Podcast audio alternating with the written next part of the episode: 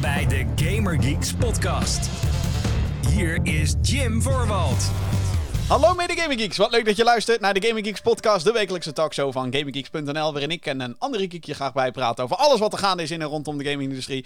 Ik ben Jim en tegenover mij zit de man die daadwerkelijk alles kan, behalve winnen in Warzone. Het is Jeroen Ja. Kaal. Dat is niet helemaal waar, want we hebben een paar keer We gewonnen. hebben een in paar keer gewonnen. We hebben een paar keer gewonnen in Call of Duty Warzone, eh, Call of Duty eh, Modern dat- Warfare, Warzone, whatever. Begin maar eerst. Oh nee, dat, ik, eh, ik, ik lees het nu. Dat is ook niet echt iets leuks. Oké, er zit wel iets leuks tussen. Van jouw playlist. Oh, voor een playlist bedoel je in die zin? Ja, nee, ja, nee ik denk eh, we gaan weer... eh, Ik denk, laten we beginnen met iets leuks. Een leuk spelletje in de playlist. Maar toen zag ik een game staan waar jij vandaag nog helemaal loos over bent gegaan. Toen dacht ik, nee, dat is niet. Oh, toen dacht ik, oh wacht, die tweede, dat kan wel. Kan wel. Ja, ja nee, het, wordt, het, het, het, het is weer. ehm, ja, hoe moet, ik, hoe moet ik het zeggen? Het, het, het- er is weer van alles nog wat gebeurd. Maar of het per se, zeg maar, in de positieve zin van het woord is, dat weet ik niet. Dan weet ik wel zeker dat het niet zo is. Nou, echt jongens, het, het internet staat gewoon weer in de fik. Dat is gewoon weer eh, allemaal wat het is. Anyway, dit is eh, eh, de Gaming Geeks podcast, zoals je misschien wel weet. Elke, we elke week, althans dat is de bedoeling. Elke week gaan ik, Jim, hallo, en een andere geekje dus bijpraten. We praten over wat we hebben gespeeld. Het, natuurlijk het, het meest belangrijke gaming nieuws. Daar gaan we een beetje over, over uitbreiden, zoals dat heet. Dus, dit is de 167ste aflevering van deze show. Datum van opname Damn. ja, het, het, eh, hoe groter dat getal wordt, hoe, hoe heftiger het wordt. Datum van opname is 13 april 2021. Ehm, een week waarin. Ik, ik merk nu trouwens, ik weet niet hoe, of jij dat ook eh, hebt, maar eh, we hebben ook weer in het nieuws zitten dat er weer een aantal games zijn uitgesteld en zo. Maar ik merk Ja. gewoon dat er, dat er een soort van behoefte is aan iets nieuws. Binnen, Ja, binnen, dat- binnen de gaming sfeer dan natuurlijk. Hè? Binnen, binnen het hele. Oh, er komt zo weinig uit. Het valt eigenlijk wel mee als je gewoon naar de releaselijst kijkt. Dan valt het wel mee. Maar je merkt gewoon dat alle grote AAA, de, de, de, de, games waar we op zouden kunnen wachten, daar moeten we langer op wachten. Nou ja, hetgene waar ik me op aan het verheugen was, die is ook al uitgesteld. eh Back for Blood. Dus ja, weet je. En ik wist Ja. dat die al wat langer zou duren. En dan wordt het weer uitgesteld. En dan zie je. Dat was echt precies iets waar ik dacht van, hè, in deze pandemie, met z'n allen, zombies knallen. Hè? Ja. Een, een pandemie van zombies. Maar helaas, helaas, het wordt Ja. ons niet gegund. Nee, het, het wordt ons echt niet gegund. Nee, nee, nee. En dat is. Dat, ik, vind het, ik vind het persoonlijk heel erg vervelend. Want ja, gewoon.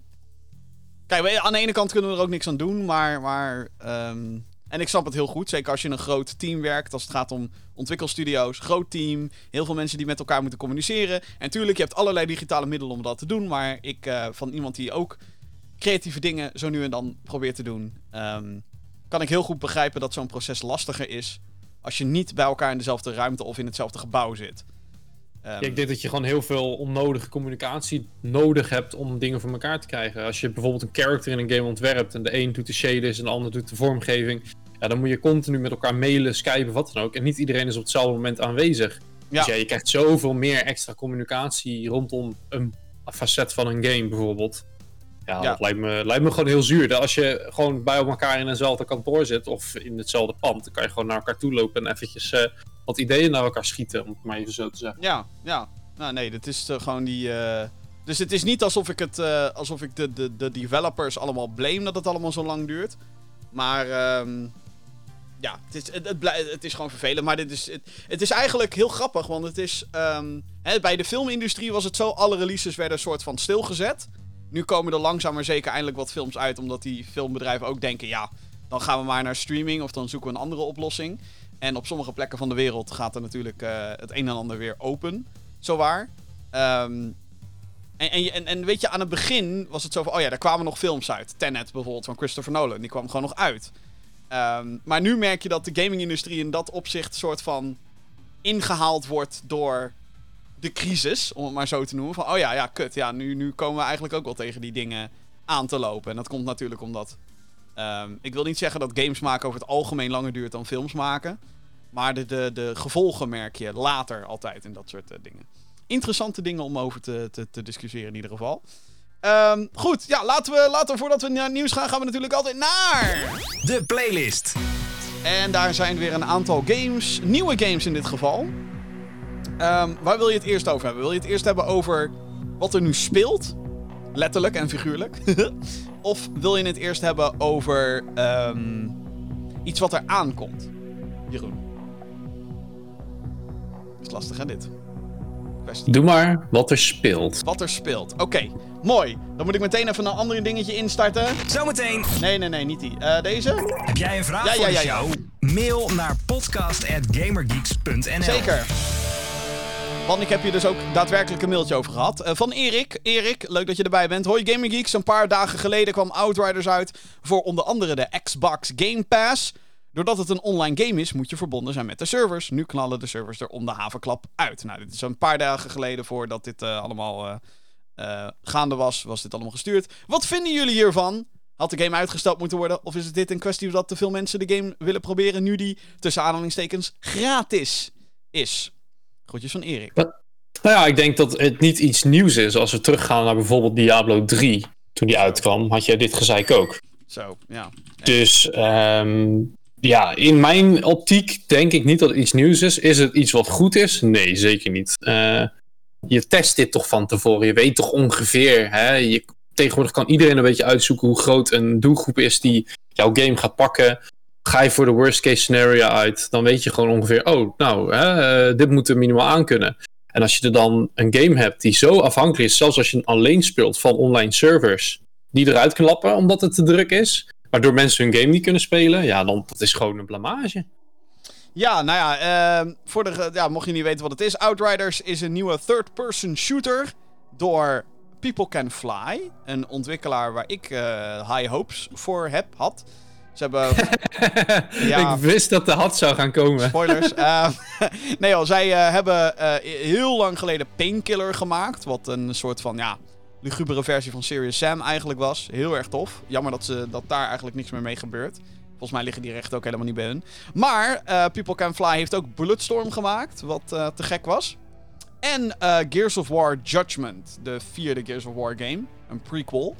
En nu is die heel erg belangrijk, want dat is waar Outriders in ieder geval qua gameplay zijn meeste inspiratie vandaan haalt. Gears of War. Ehm, ja, je speelt eh, als, een, als een Outrider. Je bent een of andere guy die eh, gaat naar een nieuwe planeet toe, want de aarde is fucked. En ehm, dus is, is aarde, de mensheid zit op één groot ruimteschip of een paar ruimteschepen, een vloot. En die gaan naar een nieuwe planeet genaamd Enoch. En wat gebeurt daar? De eerste mensen landen. Een Outrider is zeg maar zo'n guy die de boel moet gaan establishen, terwijl de rest nog in eh cryo-sleep zit. En ehm, ja, waar niet op werd gerekend werd, waren gekke stormen. Ehm, die anomalies worden genoemd. Die geven. De meeste mensen gaan daardoor dood. Maar sommige uitverkorenen krijgen daardoor superpowers. Yay, je bent een outrider. Vervolgens word je weer in slaap geflikkerd. En word je 30 jaar later wakker. Op een eh, planeet die natuurlijk compleet in oorlog is. Iedereen met conflict. Want eh, iedereen is wakker gemaakt. Wat niet heel verstandig was, want er was niet genoeg vreten. Nou goed, ga maar door. Ga maar, gewoon- ga, door, ga maar door. Ga maar door. Het is een soort van combinatie tussen een nieuwe wereld ontdekken verhaallijn en een post-apocalyptische verhaallijn. Eh, wat heel gek is. Maar eh, ja, je ga- gaat eigenlijk gewoon missies doen. eh, en je gaat van punt A naar punt B en je knalt heel veel mensen kapot. In third person met elementen van Destiny en Anthem erbij. Want dit is een looter shooter. Wat dus betekent dat à la Diablo, wat een goede vergelijking is, je continu gear oppakt waardoor je sterker kan worden. En je hebt natuurlijk levels waardoor je nieuwe abilities krijgt. Etcetera, etcetera. Noem het maar op. Ja, volgens mij werd je character wel anders qua vormgeving als je ook echt andere gear oppakte, toch? Ja, ja, ja. Ja. Je, je, je, Ja. De, de gear die je oppakt krijg je daadwerkelijk te zien. En Ja, eh, eh, gears kunnen mods hebben. En dit is eigenlijk ook meteen het sterkste, ehm, hoe noem je dat? Eh, dat je dingen kan veranderen aspect. Ehm, wijzigingsaspect als het gaat om, om de gameplay. Want die mods op de wapens en je armor kunnen echt hele sterke gevolgen hebben. Ik heb bijvoorbeeld nu een assault rifle. Die heeft en kans om explosie damage te doen. En tegelijkertijd kans om een lightning strike op, op een enemy los te laten. En dat komt uit een assault rifle. En dat is eh, best, best wel tof eigenlijk. En die, eh, zodra je een wapen dismantelt, dan, eh, dan kan je die ability gewoon op elk wapen doen wat je maar wilt. Dus dat is wel heel erg tof dat ze dat toelaten. Want normaal in, in, in normale games zou dat zijn dat je dan specifiek dat item moet gebruiken, zeg maar. Dat is dan normaal. Anyway. Ehm, wat ik zojuist allemaal heb opgenoemd zijn eigenlijk eh, allemaal feitjes. Heel objectief. Er is nogal wat te doen geweest om deze game. Ehm, Ook bij jou persoonlijk. Ook bij mij persoonlijk, zeker. Ja. en je hebt, de- de- de is een, er is een technisch aspect is hieraan. En natuurlijk wat ik van de game vind. Qua hoe het speelt en, en hoe het is. Ja, ik Ehm. heb eh, jouw eerste indruk al zelf persoonlijk mogen horen via Discord, maar ook iets verder in de game.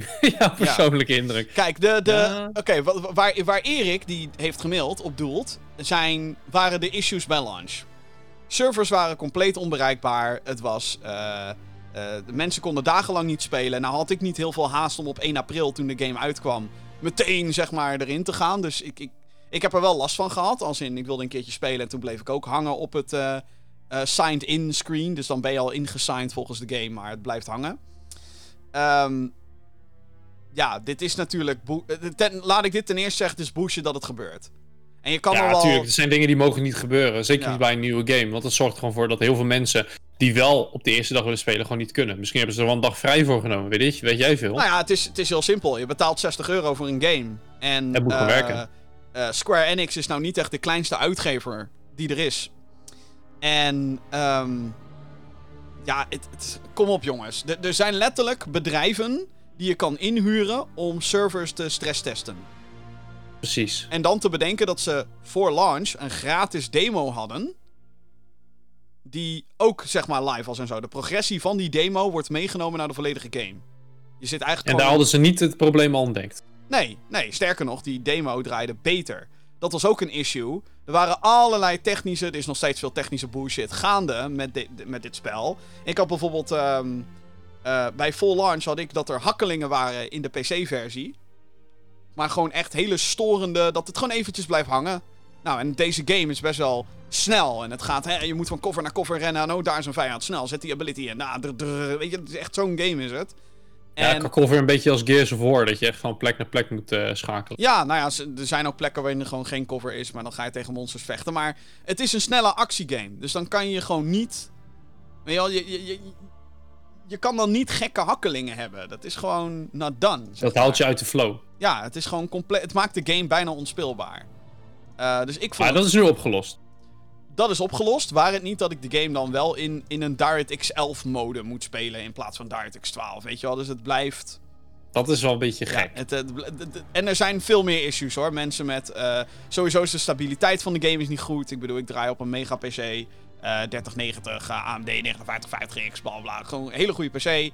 En het kan gewoon zijn framerate niet volhouden, weet je wel. Ehm, en dat is met assistentie van Nvidia DLSS. Allemaal hele dure woorden die ik nu, die ik nu gebruik. Maar ja, het, zou niet zo slecht moeten draaien als dat het nu draait. Het is niet alsof het. Hè, het is niet dat ik 30 frames krijg of zo, maar. Meh. Op, op Geen stabiele 60. Nee. Eh, nou ja, of nou, geen stabiel 90, laat ik het dan zo zeggen. Ah, oké, ja, ja. Weet je wel, dan denk ik... Weet je, al- first world problems, dit, eh, Jim. Eh Nee, weet- 60 nou ja, ik bedoel, hallo, dit is, dit is, dit, dit- kom op, dit is Unreal Engine ook nog eens. Dit is, een, dit is geen nieuwe engine. Dit, is, dit zijn ervaren developers. En op console draait het waarschijnlijk gewoon max 60, maar dan draait hij wel stabiel. Ja, precies. En hier zit te veel schommeling in. Ja, dus het is gewoon te veel. Je weet nooit wat je krijgt. Daarnaast is de. ehm, ik heb dus ook een beetje multiplayer al gedaan met iemand. Want je kan dus door deze game in theorie. kan je in je eentje spelen. Moet je wel online zijn, want het is allemaal online. Maar dan kan je gewoon een, een closed lobby openen. Weet je al, gewoon ik ga in mijn eentje, whatever. Maar ik heb dus ook met iemand zitten spelen. En de performance daar is een fucking ramp. Het is echt, de, de server weet niet waar je bent de helft van de tijd. Ehm, sommige commando's werken soms gewoon niet meer. Er zijn allerlei bugs aanwezig, zoals dat je hart verdwijnt. En er zijn hele grote issues aan de gang, waar ik gelukkig nog niet tegenaan ben gekomen. Maar er zijn dus gewoon issues dat mensen al hun gear kwijtraken in deze game. Dat is juist het belangrijkste van de game. Ja, dus dan ben je level 30. Dat is volgens mij de level cap. Eh, heb je urenlang gespeeld. En dan log je op een random dag in. En dan, oh, al je shit is weg. Alles weg. You are naked now. Wat? En er schijnt nu ook nog eens een issue te zijn, las ik vandaag. Dat eh, de game voor heel veel mensen, bij mij dan niet, daar mag ik mezelf gelukkig in prijzen dan. Maar voor heel veel mensen crasht de game ontzettend vaak. Ja, heb ik dus geen last van gehad. Maar goed, als heel veel mensen er wel last van hebben, is dat dus een issue. Ehm, alleen wat een game meestal doet als het crasht, is dat het een dumpfile creëert op je PC. Dat kan dan weer verstuurd worden naar een ontwikkelaar, zodat die een, een crash report krijgt van, oh, dit is wat issues veroorzaakt. Heel handig, waar het niet dat die van Outriders schandalig groot zijn. En dat blijft op je PC hangen. Dus er zijn gewoon mensen die een hele C-schijf hebben moeten legen, een Windows-schijf. Daar wordt het standaard naartoe geschreven, omdat hun game zo vaak crasht. Gewoon al die bestanden bleven daar staan. Ja, tuurlijk, kan je gewoon oplossen door die shit te verwijderen. I get it. Maar zorg er dan voor dat je een fucking stabiele game hebt die gewoon werkt. Ja, Ehm, weet je dat een game een keertje crasht? Oké, dat gebeurt bij elke game wel eens. Maar dit is wel heel extreem. Ja. Nee, het is, het is een. eh, eh, wat dat betreft is het echt een drama. En het is. eh, ik vind het verbazingwekkend. Niet zozeer. Tuurlijk, dat het gebeurt is ook. Verba eh, verbaast me ook en is kut. En dat slaat allemaal helemaal nergens op. Maar wat mij verbaast is hoe mensen hiermee omgaan online. Want ik snap heel goed dat sommige mensen zeggen. Fuck deze game, I'm out. Ik wil een refund. Weet je wel? Als het Mhm. inderdaad al die issues veroorzaakt. En jouw systeem doet aan de minimale eisen. Of überhaupt de eisen zou het gewoon moeten werken. Ehm, maar de- ik zie zoveel mensen dan met, met de smoezen komen van... Ja, hallo, wat had je dan verwacht? Het is een live server, het is, het is een online-only game. Nee, dat is, dat is echt de grootste onzin ooit. Zo'n game moet gewoon werken, of het nou live service is of niet. Ja, Kom op. vind ik ook. Weet je, een game moet gewoon af zijn als die uitkomt. En dat er dan wat kleine probleempjes in zitten, daar zal nooit iemand eh, echt eh, heel zwaar op gaan. Maar een game die eigenlijk onspeelbaar is omdat je gear verdwijnt, eh, zoveel crasht, of zoveel crasht dat je harde schijf vol zit. Nee, dat, dat kan je niet goed praten. Nee. Dat is. dat- ja, maar mensen, zeker mensen die, die ergens eh, helemaal fan van zijn, die geven de gekste redenen waarom iets wel. Nou ja, mag. kijk, en dit is, dit is natuurlijk een issue waar de industrie al langer mee ehm, kampt.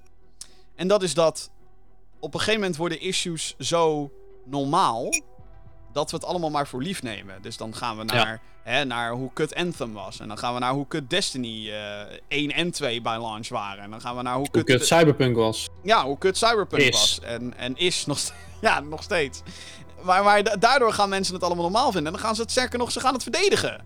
Yep. wel? Bro, what the fuck? Je betaalt nu, ze vragen nu 60 euro voor die game. Weet je wel? Dan behoort het nu Ja. te werken. En niet, niet, Ja, ja, ja, niet die bullshit. Ik zou gezegd hebben, stel de game nog een paar maanden uit. Precies, precies. het- Ja, je krijgt nu gewoon steeds het gevoel dat dit, dit soort games. ehm al het moment dat je de 60 euro betaalt en ze niet zeggen, hè, niet specifiek zeggen, maar toch dat het een early access titel is. Dat ze nog heel veel Ja. moeten uitzoeken, nog heel veel moeten aanpassen. Een beetje wat er toen de tijd gebeurd was bij No Man's Sky. Eigenlijk had ik gehoopt dat door de fiasco van No Man's Sky, dat mensen hadden gezegd, oké, dit moeten we voorkomen, dat nog zoiets gebeurt. Want ze hebben het heel goed opgepakt. Hè, de game is, hè, ik heb hem zelf niet meer gespeeld, maar als ik mag geloven van de community achter die game, hoeveel het verbeterd is, dan denk ik van, nou, dat is prima. Maar ja, als industrie leer er dan van dat je dat soort shit gewoon niet meer doet. Stel dan een game een jaar langer uit. Neem meer de tijd, zeker in zo'n situatie als we nu in deze wereld leven. Maar ga dan niet iets uitbrengen en dan het nog verdedigen ook. Een game die online, verplicht online. Maar sowieso dat. Waarom is dat dit werkt? Waarom is dit verplicht online? Waarom, waarom kan Ook. de singleplayer Ja. niet gewoon de singleplayer zijn? Dat is, ik Maar ja, zo- dat is bij andere games, hè, daar daar is het al eens eerder over gehad. Ook bij bijvoorbeeld bij Crash Bandicoot. Een singleplayer game die dan verplicht online moet zijn voor de DRM. En Ja. dan werkt het niet. En als je dan, nou dan ben je fucked. Ja. En ik vind, ja, ik begrijp het niet. Ik begrijp het niet. Het is he- heel, gek. Ja. Ehm, dus, dus ja, dat, dat, heeft, dat heeft me wederom verbaasd over hoe mensen het verdedigen. Maar ik denk, ik denk ook serieus dat het is omdat... We hadden het er net al over. Er komt niet heel veel uit. Ehm, weet je wel, de, de, de behoefte aan, aan grote games wordt steeds groter. Zeker nu er keer op keer dingen uitgesteld worden. Ik heb gewoon het idee dat dit gewoon een, een, een, een titel is die eigenlijk heel goed gepland is in die zin. Oh ja, kut, we hebben wat nodig. Ja, en Maar- het was ook wat, wat anders. Of, Ja, niet nou ja, exact hetzelfde als alle anderen. Niet een bekende titel. Dat is waar. Ja, nee, maar als ik, eh, als ik dan een beetje over de game zelf dan moet oordelen op dit moment. Ik ben nu level 18, geloof ik, level 19, zoiets ben ik. Ehm, ja, het is, het is wat ik al omschreef. Het is een third-person shooter, je hebt bloed, bla bla bla. Ehm, ten eerste, verhaal en de voice acting zijn fucking cringe. Daar hoef je het niet voor te doen in ieder geval. Dus als je op zoek bent naar een goed verhaal, hier ga je het niet vinden. Het gaat hier echt om de actie. En eh, om, om, om hè, lekker knallen. Gewoon, dat is het gewoon. Maar ook daarin is er, heb ik het idee dat hier iets te mild over wordt gesproken. Want zo'n bijzondere game is het niet. Ja, er zijn RPG-elements. Ja, er zijn toffe, zeker toffe wapens aanwezig. Alleen, qua vijanden valt de variatie heel erg tegen. Er zijn een stuk of zeven verschillende vijanden of zo. En dat klinkt veel, is het niet. Uh, zeker omdat ze zeg maar uh, bepaalde um, gewoon uh, enemy types gebruiken en dan een andere skin eroverheen doen en het een andere naam geven, weet je wel. Dat is, mm, is gewoon, gewoon hetzelfde type vijand. Dus het is heel veel van hetzelfde. En ik vind de movement gewoon niet smooth, weet je wel. Er is een, een, een jouw character kan alleen maar klimmen en, en schuilen achter plekjes waarvan de game zegt dat het kan. En nou klinkt dat heel logisch, is het ook, in, in game design termen. Maar het is heel erg beperkt. En, er, is, er is wel een wereld waarin je kan rondlopen, maar er is geen enkele reden om daar rond te lopen. Want er zijn zoveel dode hoeken en zoveel gewoon niks. Er is heel veel niks in deze game. Mooie achtergronden, zeker. Het ziet er heel mooi uit. Maar je kan er niks. Weet je wel? De, nul interactiviteit in de wereld is er. En ik vind dat heel teleurstellend eigenlijk. Want het, het is ook. Je gaat ook langs stadjes en langs dorpjes. En natuurlijk zijn er wel sidequests, maar. Die characters betekenen niks. Ja, jammer. Maar als je het zo uitlegt, dan is het ook echt niet een game waar ik uh, heb van ja, dat wil ik uh, gaan proberen. Nou ja, kijk, proberen kan altijd. Je kan die demo natuurlijk spelen. Uh, oh, die is er nog? Volgens mij is die er nog, ja. Volgens mij kan je dat gewoon doen. Dus... Ik dacht, nu de game uit is, verwijder ik hem maar. Maar nogmaals, het, het, het klinkt niet echt als mijn type. Nee, nou, ik, ik vind het lekker, gewoon uh, lekker knallen. En er zijn zeker momenten waarop ik gewoon wel echt denk... Oké, weet je, die, die headshot animatie is gewoon bijna direct geplukt uit Gears of War. Dus er komt echt een fontein van bloed komt er uit zo'n lichaam als je zo'n kop eraf schiet. Qua audio zit het allemaal wel goed. Behalve dan nogmaals de voice acting. Dat is echt wel een beetje cringe. Maar ja, ik heb, ik heb echt het idee dat dit zoveel smoother kon. En zoveel dynamischer. En zoveel beter. um, en dat komt ook omdat qua, qua design is er totaal geen rekening mee gehouden. Uh, als het gaat om hoe je, hoe, met hoeveel mensen je speelt. Of hoe, uh, hoe, de, hoe de balancing is. Ik zat vanmiddag een zijmissie te spelen. Dus waarschijnlijk waar je naar refereert. Als het gaat om mijn rage. Maar nee. ik, ik, zat vanmiddag echt zo hard te ragen op deze game. Want ik kwam in een zijmissie terecht. Waar, en ik speelde in mijn eentje. Een zijmissie terecht. En gewoon 100 vijanden die op je afkomen. 0,0 cover. Ja, en als je dan met meerdere mensen bent, kan je die vijanden opsplitsen, weet je wel. Dan kan je uh, hè, letterlijk de aandacht verdelen van die vijanden. Dan kan je ze samen allemaal uitschakelen. Maar Jim, hoe, hoe kan je nou je eigen onkunnen nou... Hè? Je bent gewoon niet goed genoeg. Kid Good Scrub. Gewoon. Nou, okay. dit moet je gewoon nou, kunnen. Als we het hebben over imbalance, hier is een hele goeie. Als je dus een single player. Maar dit, nu ga ik serieus hier een punt over maken. nee, maar, maar ik denk dat jij dit ook bullshit gaat vinden. Let op. Oké, ja, kom maar op. Ik let op. In single player, dus als je in je eentje speelt, als je afgaat, ben je af.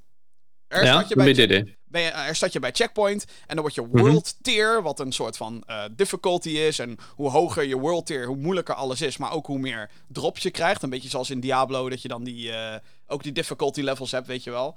Van normal mm -hmm. naar nightmare naar hell en et cetera, et cetera. Um, dat klinkt allemaal logisch. Dat kan je ook lager zetten als je dat uh, wil doen. Prima. Um, maar als je dus in je eentje speelt en je gaat neer, ga je neer, dan verlies je een beetje experience en je verliest een beetje van je world tier, je progressie daarin. Mm Speel je multiplayer, dan als je neergaat, kan je ten eerste kan je jezelf nog een keer reviven.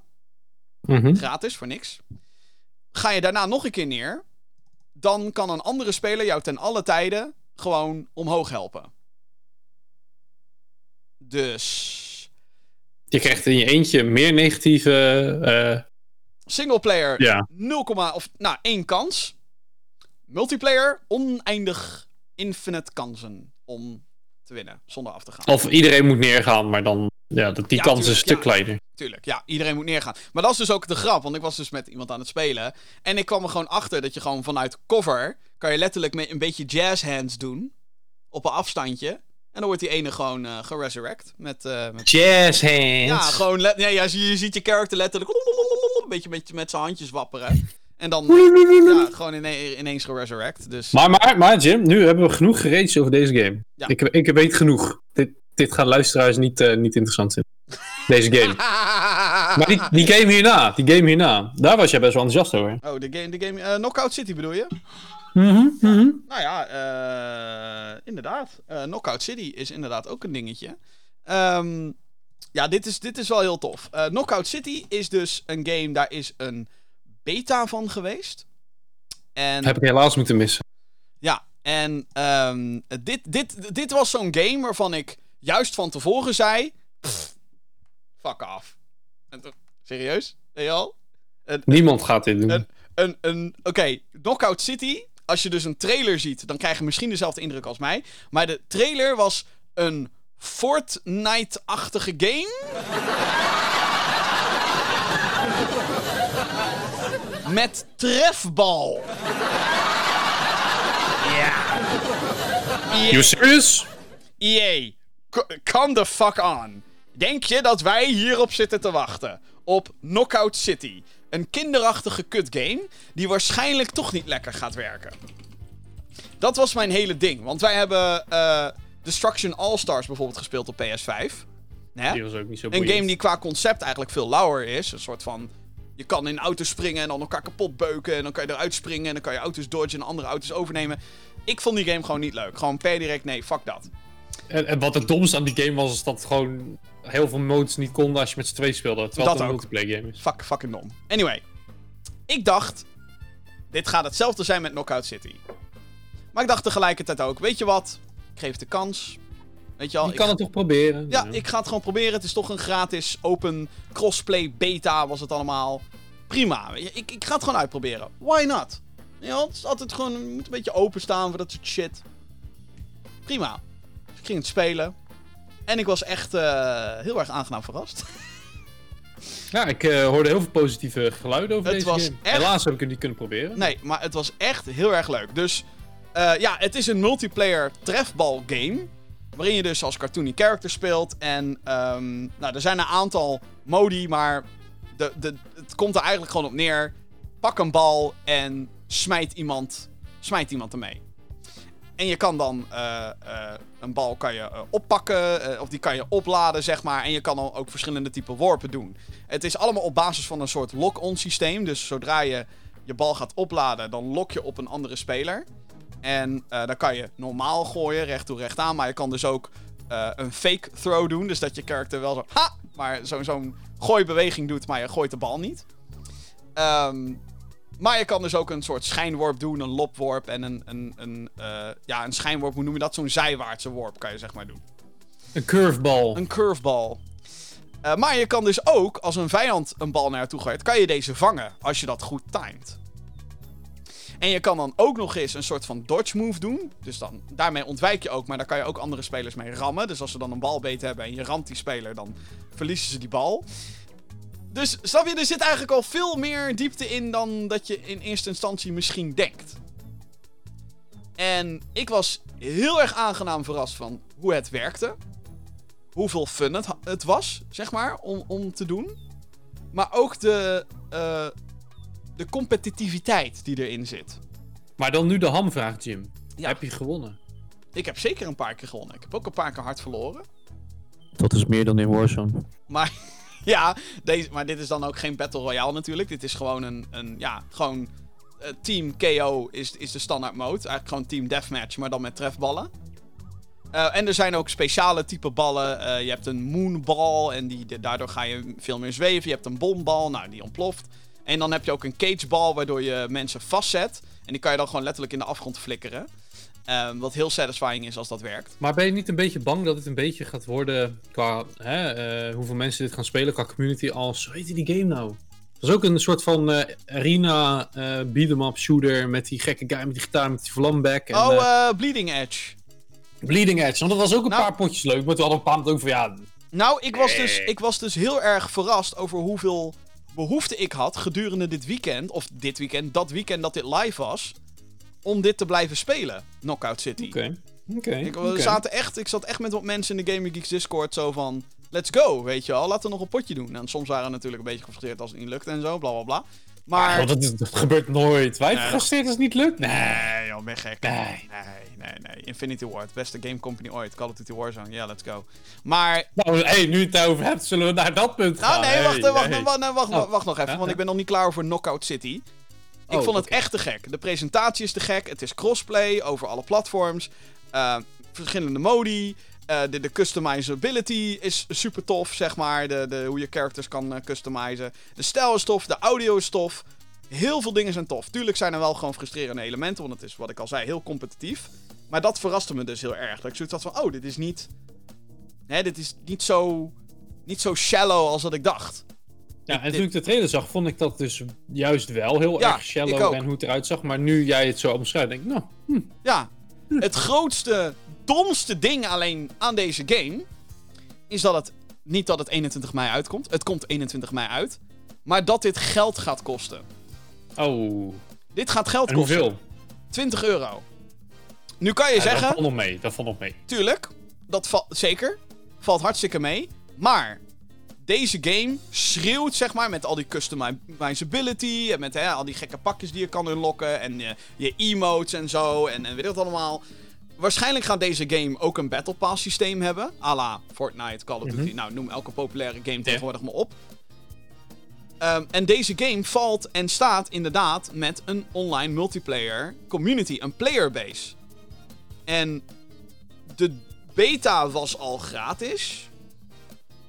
En ik vraag me echt oprecht af waarom EA in godsnaam, de uitgever, heeft besloten om dit 20 euro te laten kosten. Want je beperkt daarmee zo erg de, het aantal spelers.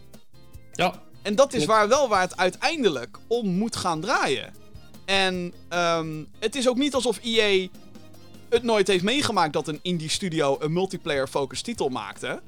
Ehm, vorig jaar hadden ze er namelijk eentje, die heette Rocket Arena. Als je denkt, wat de fuck is dat? Oh, is dat die game die voor 3 euro bij de Game Mania ligt? Ja, dat klopt. Dat is die. Waarom? Omdat het een, een shooter was. Kleurrijk ook en ook heel erg vrolijk en met, met, een, met een aparte gimmick. Eh, daar gaat het namelijk alleen maar schieten met, ja. ja, daar gaat het alleen maar over rocket launchers. Nou, eh, leuk. Maar ook heel Fortnite-achtig en met een Battle Pass en noem het allemaal maar op. Maar de reden waarom die game heeft gefaald, en omdat niemand het erover heeft, is omdat het geld kostte. Had het gewoon fucking free-to-play gemaakt. En tuurlijk, ik snap het. Games ontwikkelen is niet gratis, zeker niet. Ik snap het allemaal. Ik snap heel erg goed dat je, hè, dat je geld vraagt voor een game. Ik ben niet zo iemand die zegt, ik wil nooit voor games betalen, want... Hallo, hier spreekt de man van de Collector's Editions. Maar juist bij dit soort games ja. juist bij zo'n game die eh, voor een heel breed publiek gaat, zou je toch denken dat je dan het meest brede publiek wat je kan wil gaan aanspreken. En hoe doe je dat? Free to fucking play. Free to play. En ja. wie kan het zich veroorloven om een game free to play te maken? Nou, misschien fucking EA? Ja, die hebben het meeste geld te horen. Ja, Ja, ik snap het niet. Ik snap niet, en, en dat zeg ik oprecht. Niet omdat ik wil dat deze game faalt, of whatever. En niet omdat ik het geld niet heb om Knockout City te, te, te kopen. Ik, ben in, ik ga in ieder geval vol voor deze game. Ik heb er echt zin in. Maar ik ben echt bang dat het inderdaad qua... eh, net zoals Bleeding Edge, Rocket Arena... Noem elke vergeten, gefaalde multiplayer game van de afgelopen vijf jaar maar op. En dat zijn er heel veel, helaas. Juist door dit soort beslissingen. En als je een Yep. indie developer bent die geen publisher heeft, dan snap ik je punt. Maar als je nu al heel erg aan het hinten bent naar hey, battle passes en eh, weet je al shit waar je toch voor moet gaan betalen, maak de game dan free to play. Wees dan voor. eh, Heb je gezien hoeveel geld Fortnite oplevert, jongens? Apex Legends. Eh, Ik kan talloze free-to-play projecten opnoemen die, die mega veel geld binnenharken. En juist Yep. succesvol zijn omdat ze free-to-play zijn. Maar ja, het ding is natuurlijk wel, er is nu gewoon een, een best wel flinke Battle Royale. ehm, Hype. Ja. ja, dat. En niet, ja, er zijn er zoveel dat mensen heel gauw oversaturated raken. Dus te vermoeid ook met alles wat er nu is. Dus ja, je moet met free-to-play games ook wel een beetje opletten dat wat je ook doet, of wat, hetgene wat je doet, ook uniek is. Hè, Ja. Dus een, een Rocket Arena biedt misschien wel iets unieks, maar niet uniek genoeg om in zo'n free-to-play markt mensen vast te blijven houden. Denk jij dat, eh, dat dat de reden is waarom ze dan ook bij Knockout City in dit geval zeggen... Nou, doe dan maar eh, dat we in ieder geval nog iets van eh, geld eruit krijgen. Klinkt heel lullig. Ja, misschien wel. Misschien is het niet. Want er zijn ook wel mensen die denken: ook free-to-play is kut. Dat is Er waar, zijn ja. mensen die daadwerkelijk die link leggen van: oh, free-to-play, ja, dan is het waarschijnlijk gewoon een kut game waar ze geen geld voor kunnen vragen. En hier laten ze dan misschien voor dat soort mensen, de klanten van EA, die normaal gesproken een Battlefield gewend zijn, ehm, blijken dat de game niet volwaardig is als een Battlefield, maar wel nog steeds zijn geld waard is. Om het maar even Hmm. op die manier te bekijken. Kijk, wij weten wel beter. Maar ja, er zijn misschien mensen die wel die gedachtegang hebben. Ja.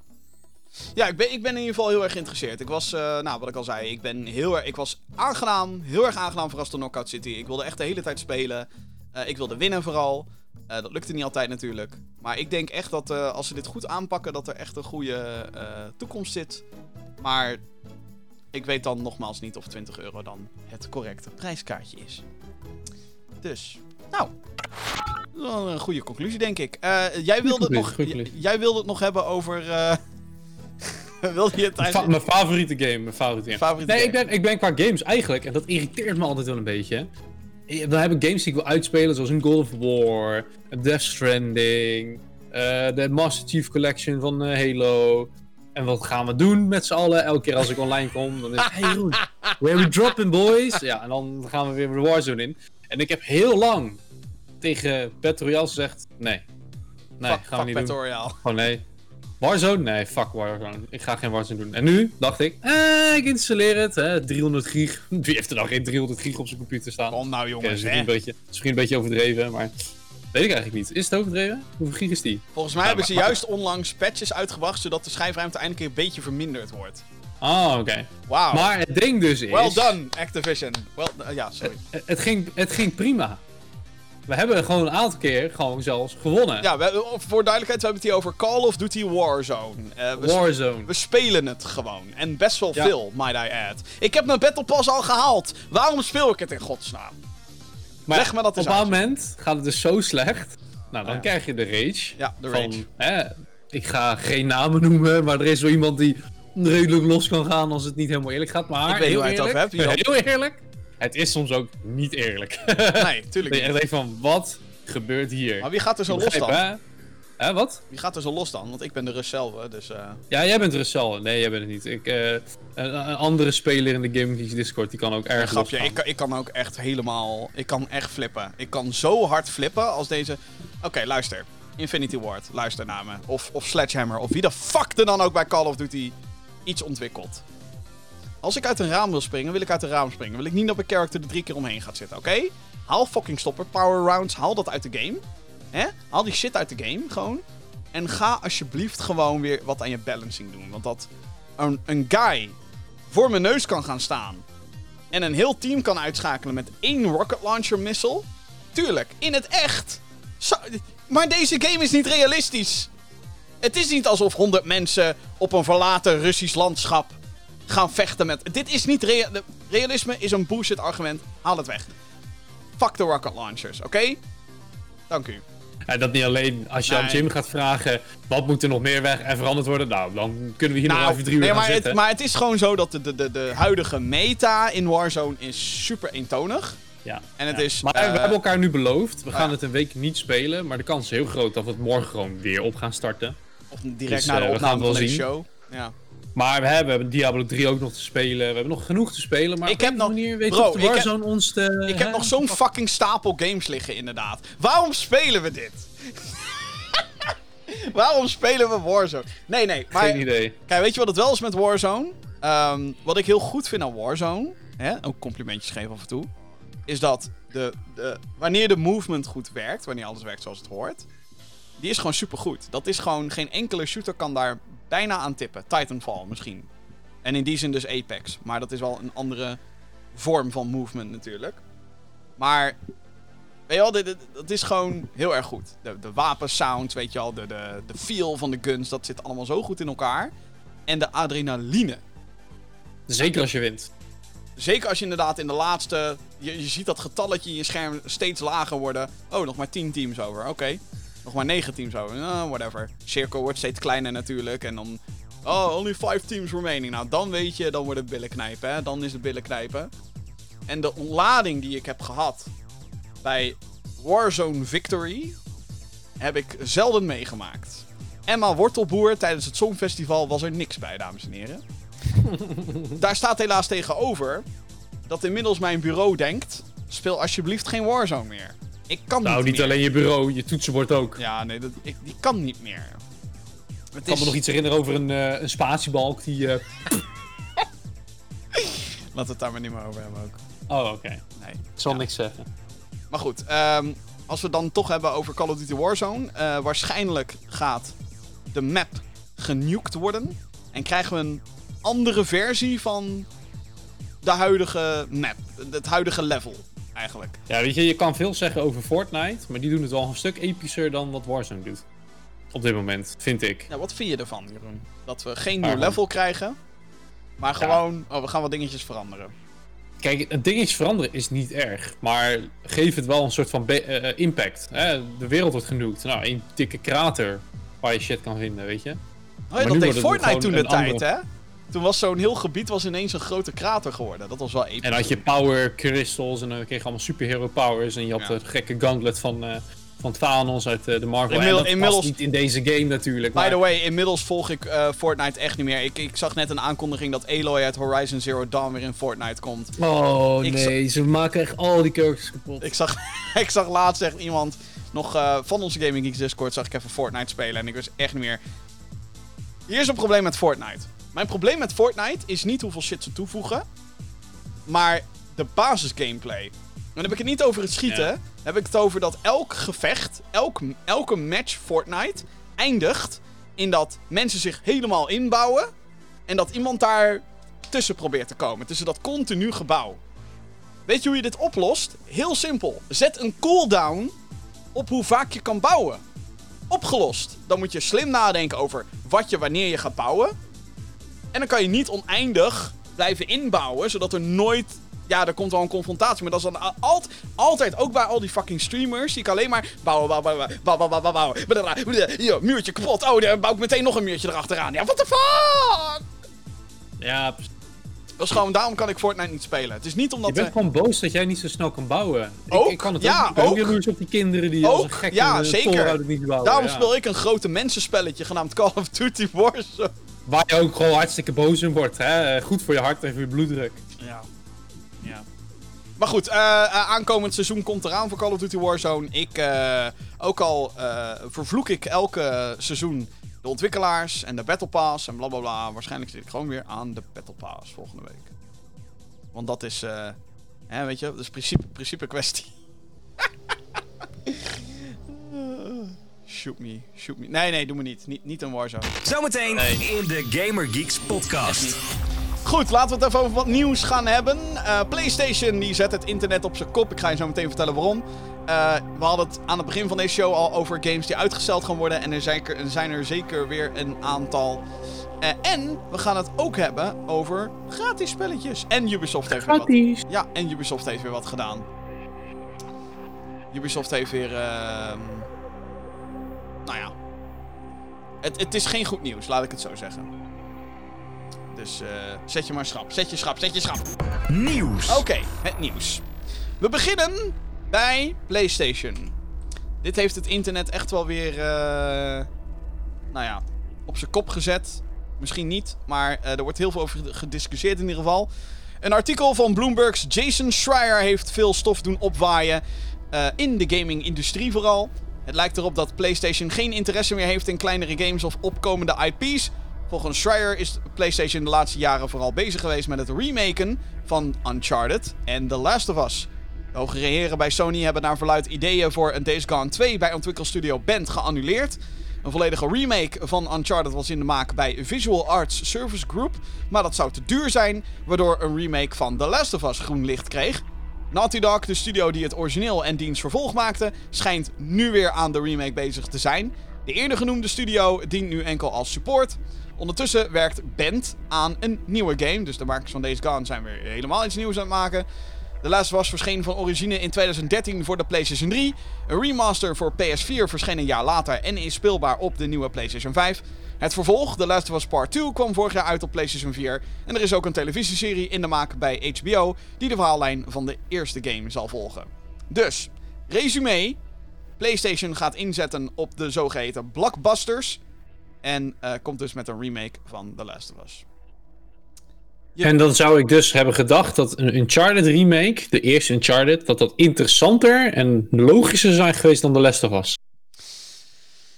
Ja, Want Ik, eh, Uncharted, de eerste, die komt uit de PlayStation 3 era. Ja, Last of Us. eh, oh, Uncharted eh, 2007. Uncharted bedoel ik, ja. Maar ook daar zou ik willen zeggen: joh, je hebt de Nathan Drake Collection op PS4. Klopt, klopt. Die heb je. En Het is, helemaal, het is eigenlijk helemaal niet nodig. En zeker The Last of Us, wat al een remaster heeft gehad, is een game die of iedereen al gespeeld heeft, of kan spelen in redelijk goede gra- graphics, waardoor je nog steeds de game nu zou kunnen spelen als je het nog niet gedaan hebt. Dus wat voegt nou een remake voor PlayStation 5 aan? Ja, wat voegt het naartoe aan The Last of Us? ik, ben, ik ben echt pissed off. Ik was echt pissed off toen ik dit las. Want ten eerste, la- laat ik dit vooropstellen voordat mensen op mij gaan haten. Ik vind The Last of Us één van de beste games ooit gemaakt. Ik vind het een briljante game. Echt briljant. In, in zoveel verschillende facetten. Voor wat het gedaan heeft, voor verhaalvertelling in games. Voor wat voor verhaal het neerzet. Hoe dat het neerzet. Hoe dat de, de graphics nog steeds zijn an- anno 2021. Ehm, tuurlijk, het kan allemaal mooier en beter en bla bla bla bla. Maar goed, wanneer niet? Dat geldt ook voor special effects in films, bijvoorbeeld. Ehm, ik vind de les was één briljant. En eh, ik, ik stond.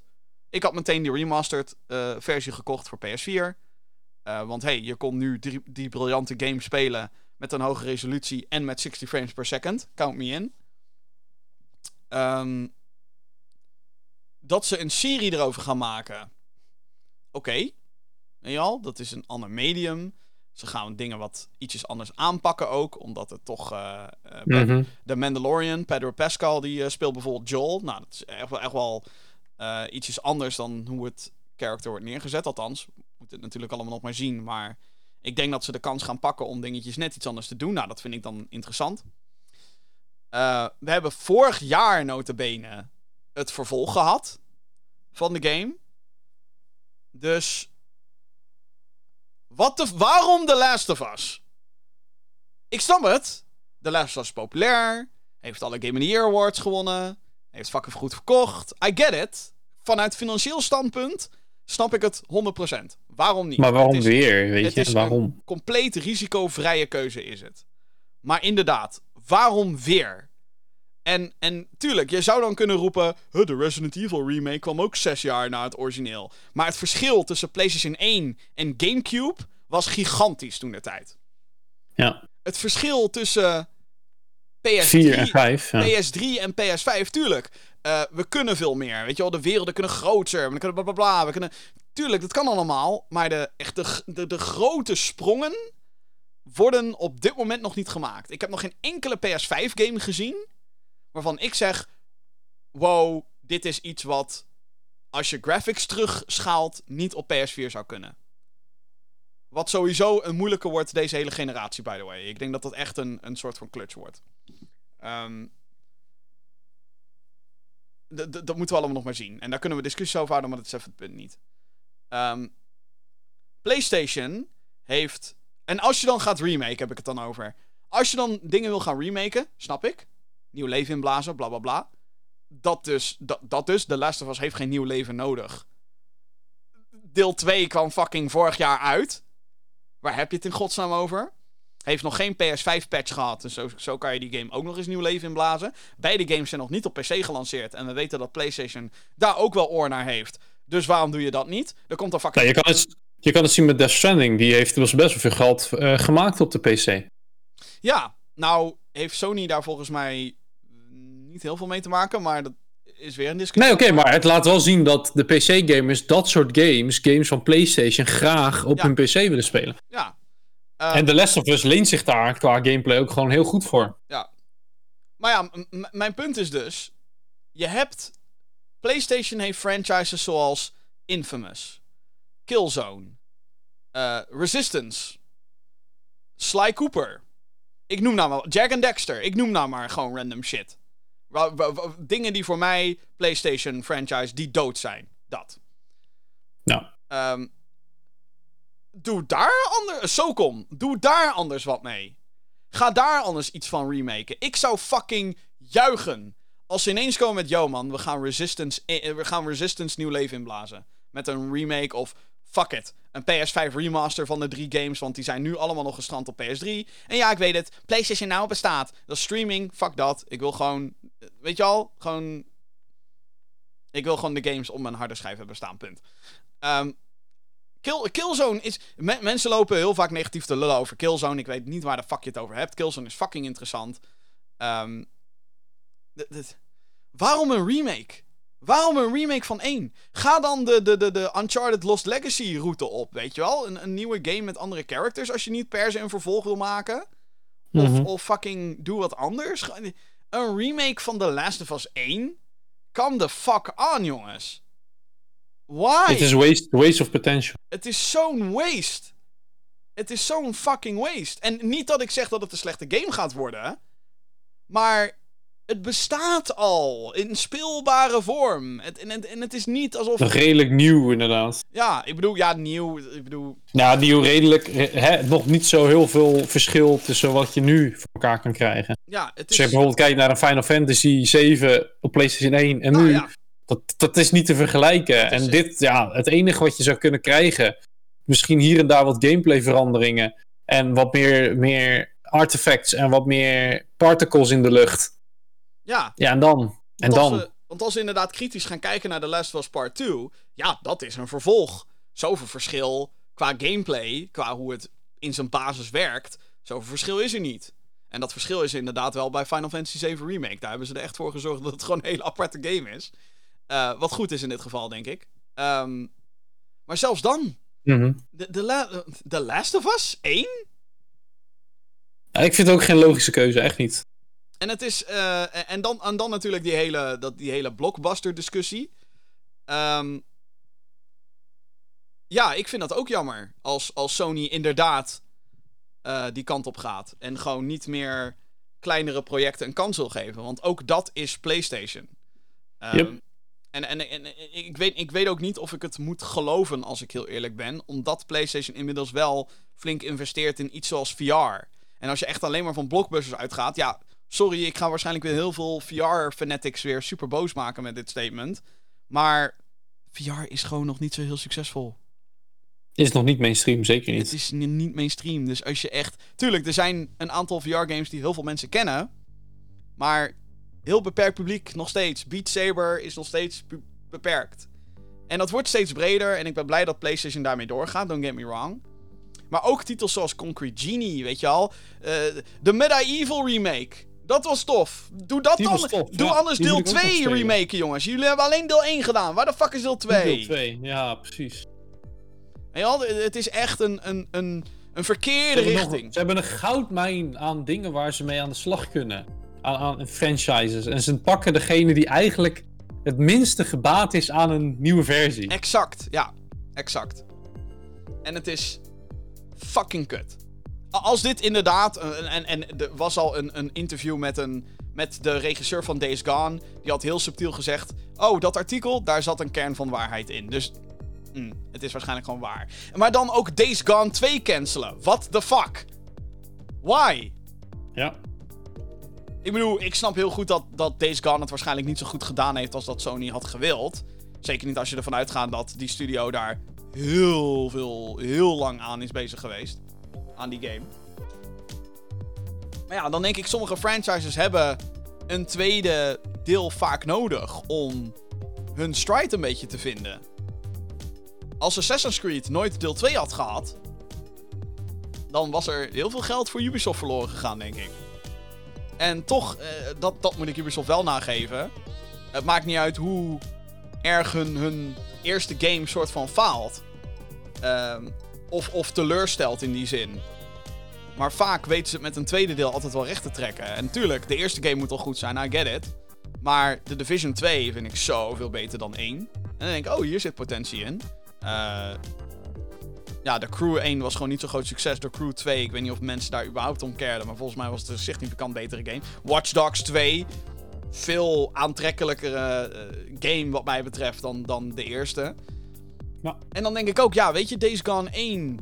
Ik vind het heel interessant. Ik vind het helemaal tof dat hij naar PC komt trouwens. Ehm, dus, dus ja, waarom dan deel 2 daarvoor cancelen? En ook als ik dan een beetje de ideeën las Eh, dat zou dan eh, veel meer online worden met een sandbox. Dus dat je echt met een party rond die, eh, rond die wereld kon gaan. Nou, als er dan zo'n grote horde zombies achter een team van spelers aankomt. Fucking low! Waarom doen we dat niet? Weet je wel? What the fuck? Ja, Ja, helaas. het is gewoon zo. hmm. Het wordt je niet gegund. Het wordt Jim. ons. Nee, maar dit is. En maar, dit is ook, en dit is belangrijk. PlayStation heeft de afgelopen paar jaar, als het dan kritiek heeft gekregen om een first-party games. Er is één ding waar mensen continu op hameren. En dat is dat heel veel PlayStation IP's, ja, zeker als we kijken naar PS4, lijken op elkaar. Third person, actie, camera achter de schouder, weet je wel. Vaak met heel veel focus op het verhaal. En soms ook nog eens met gelijkachtige settings of gameplay design.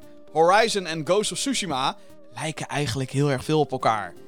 Qua open world structuur, qua weet je collectibles en dat soort shit. En weet je wat allemaal. Tuurlijk, de artstyles zijn compleet anders. Don't get me wrong, maar qua gameplay lijkt het best wel veel op elkaar. Ehm Days Gone, ja. Als je, dat in, als je zou zeggen, dit speelt zich af in de universe van The Last of Us, zouden heel veel mensen je geloven, denk ik. Want het lijkt heel veel op elkaar. En dan, en dan heb je Uncharted, en dat begon ook steeds serieuzer, en ook, weet je wel, steeds realistischer en zo. Hè, dan hebben we godzijdank Ratchet en Clank om de boel een beetje eh, eh, te variëren op PlayStation. Maar ook daar weer third-person actie. En nou zeg ik niet, oh, first person, het perspectief verandert ineens alles. Maar de, de toon van heel veel succesvolle PlayStation 4 titels zijn een beetje hetzelfde. Sommige natuurlijk niet, maar weet je wel, ik snap die kritiek. En dan ga je daar nu continu mee door. Sterker nog, daar ga je nog meer op inzetten. En waarschijnlijk de andere succesvolle projecten. Dus Astro gaat ongetwijfeld een nieuwe game krijgen. Whatever, we krijgen al een Horizon 2. Maar dit is wat ik bedoel. Eh, we moeten, althans we, zij moeten ervoor zorgen, PlayStation moet ervoor zorgen, dat ze wel nog steeds vers blijven. En dat op een gegeven moment een idee wat hun hebben, dat dat weer de standaard wordt. En ik heb het idee dat Xbox in dat opzicht nu ver voorloopt. Ver voorloopt. Zij hebben fucking 25 studio's gekocht. Ja joh, ehm, Obsidian, de makers van Outer Worlds. Ga maar een survival game maken, Grounded. We don't care. Ga je gang. Ga je fucking gang maar. Bleeding Edge, oké, dat heeft gefaald. Ga je fucking gang maar met je volgende project. Ja, weet je, het is... Creativiteit wordt gewoon op deze manier gewoon de kiem gesmoord. Ja. Dus je krijgt gewoon een beetje eh, hapklare brokken, om het maar zo te zeggen. Ja. Want het is al bekend, dus makkelijk te doen. En wat En we zonde. En wat we ook vooral moeten doen, en dit is ook wel even wat ik wil meegeven. ehm, we kunnen er met z'n allen boos op worden. Dat kan. Ik heb er ook heel veel commentaar op. PlayStation, alsjeblieft. Kap met The Last of Us Remake. Cancel het, alsjeblieft. Echt waar. Ga er alsjeblieft wat, wat, wat, wat beters met je tijd en geld doen. Ehm, en dit is ook een groot ding. Heel veel van de mensen die klagen online. En ik ben er eentje van. Ik ben vrij om dat toe te geven. Ehm, we zijn met. Heel veel mensen zijn ook onderdeel van het probleem. En ze Eh. kopen het alsnog. Precies. Dat was zeg maar ook mijn. Hè, ik heb gerant op Super Mario 3D All-Stars. En hoe kut ik het allemaal vind. En eh, hè, waarom is de collectie niet compleet en bla bla. Heb ik het gekocht? Ja. Ben ik daardoor onderdeel van het probleem? 100%. Ik ben onderdeel van het probleem. Ja, Maar en dat is het nadeel. dat is het nadeel. Alleen, serieus, bij The Last of Us Remake heb ik zoiets van... Ik heb letterlijk geen behoefte om dit te spelen. Letterlijk niet.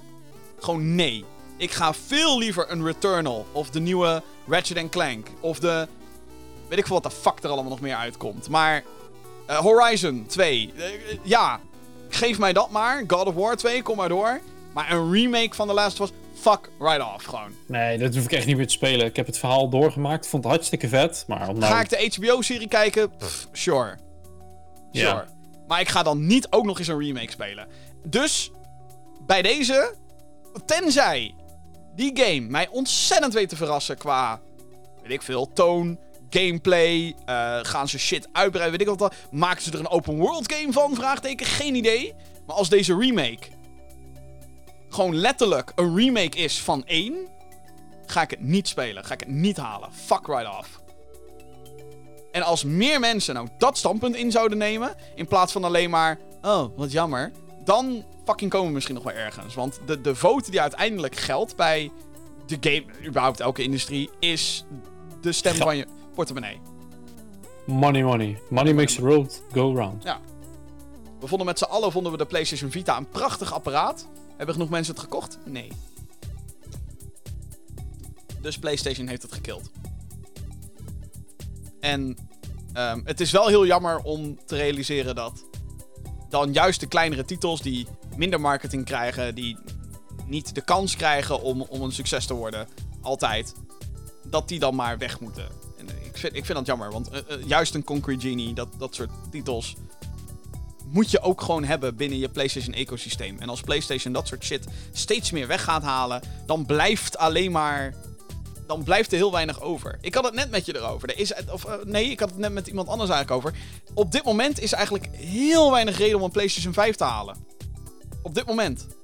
Ja, games Voor mij niet gelukkig. Maar... Nee, maar, maar ik bedoel, maar, maar zeg nou eerlijk, Jeroen. Die, die, hoe, hoe lang hebben wij die PS5 al?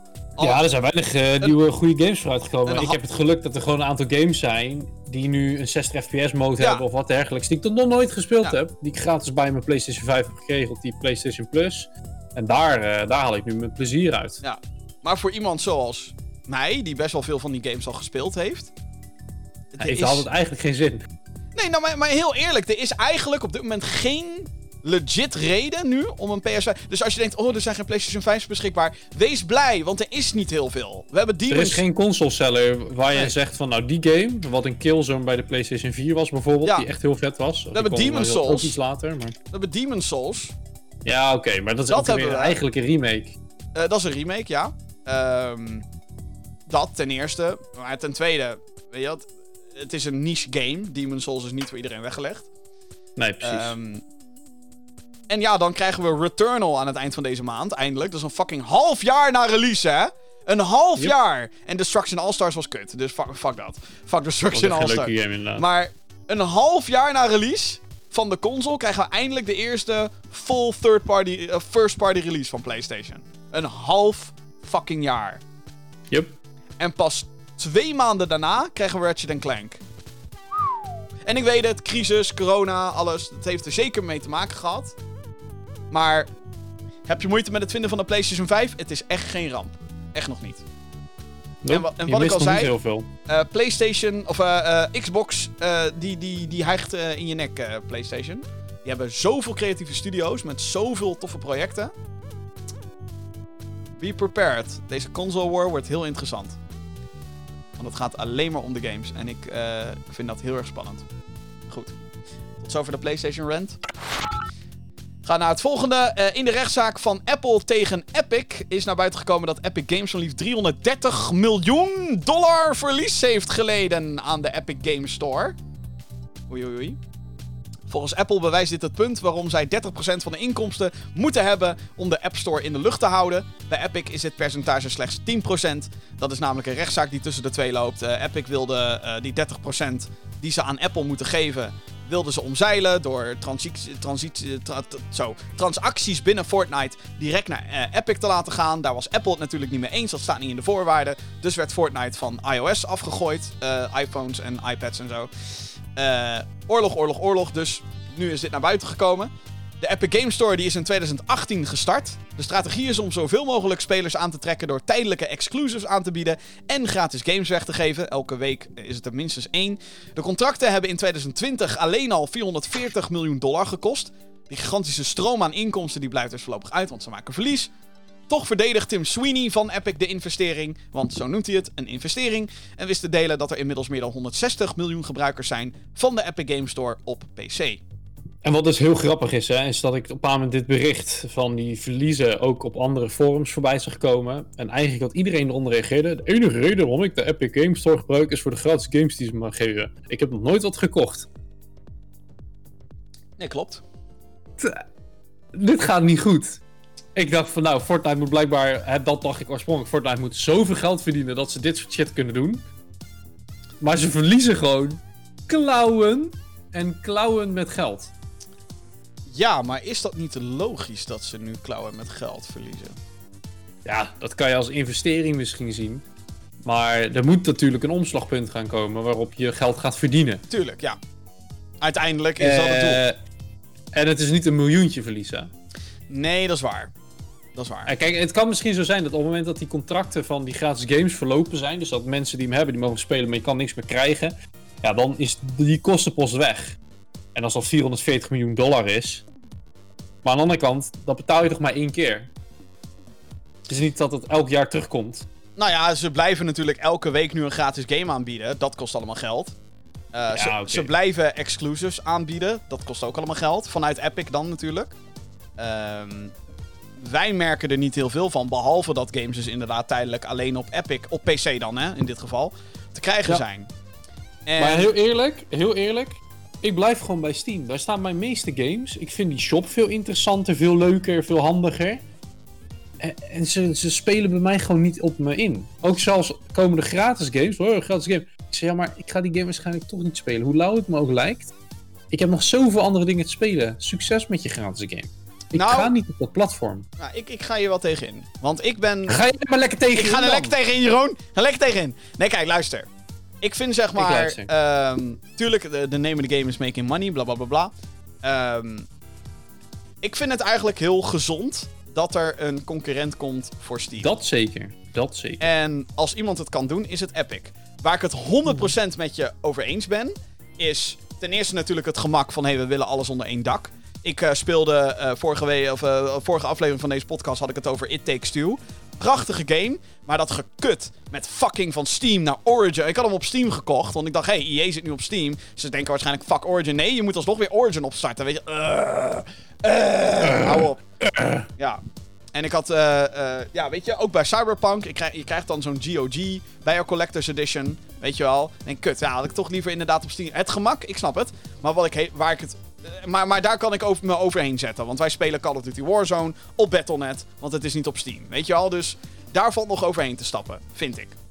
Ehm, maar waar je wel 100% gelijk in hebt, is de Steam Experience. En de features die Steam heeft. De community features, de workshop features, de, de store indeling, de manier hoe het werkt. Het is gewoon allemaal veel handiger, gestroomlijnder, beter op Steam. Er is daar daadwerkelijk een community levende, omdat de community features er zijn.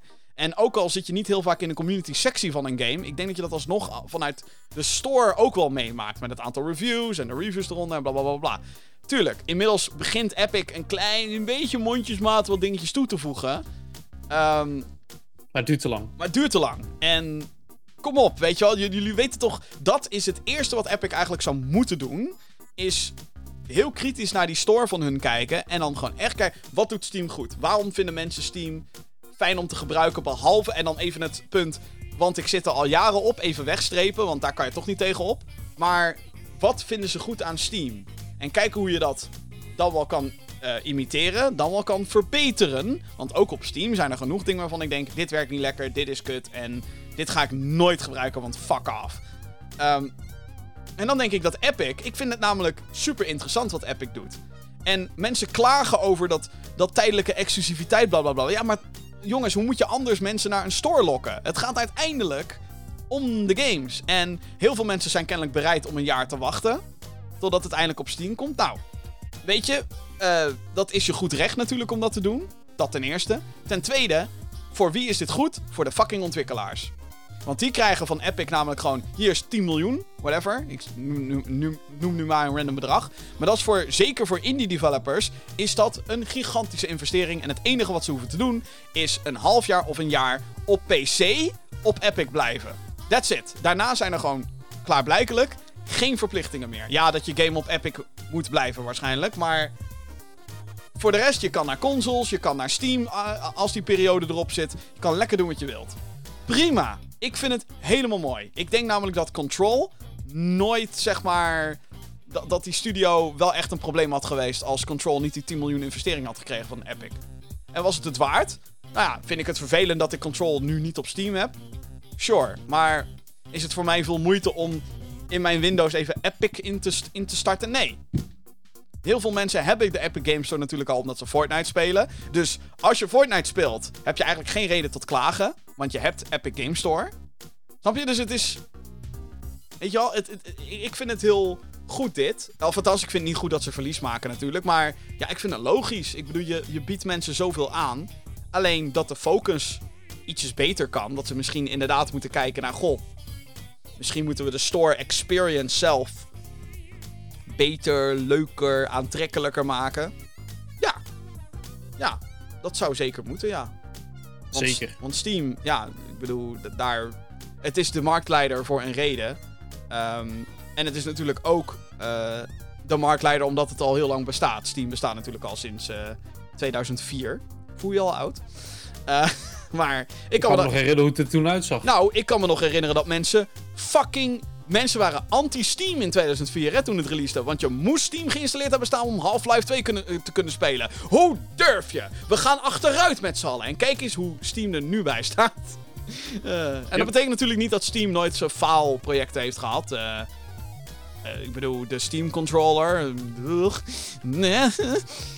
En ik weet dat sommige mensen zweren bij die controller. Maar goed, whatever. Ehm, maar goed, ja, nee, geef als je, als je niet de Epic Game Store hebt, geef het gewoon eens een keer een kans, jongens. Nee joh? Gewoon, er zijn... Ik heb inmiddels echt al een flinke library opgebouwd van gratis games. Ga ik ze allemaal spelen? Natuurlijk niet. Maar ja, ik bedoel... Ja, ik, ik, ik weet niet echt wat je er op tegen zou moeten hebben.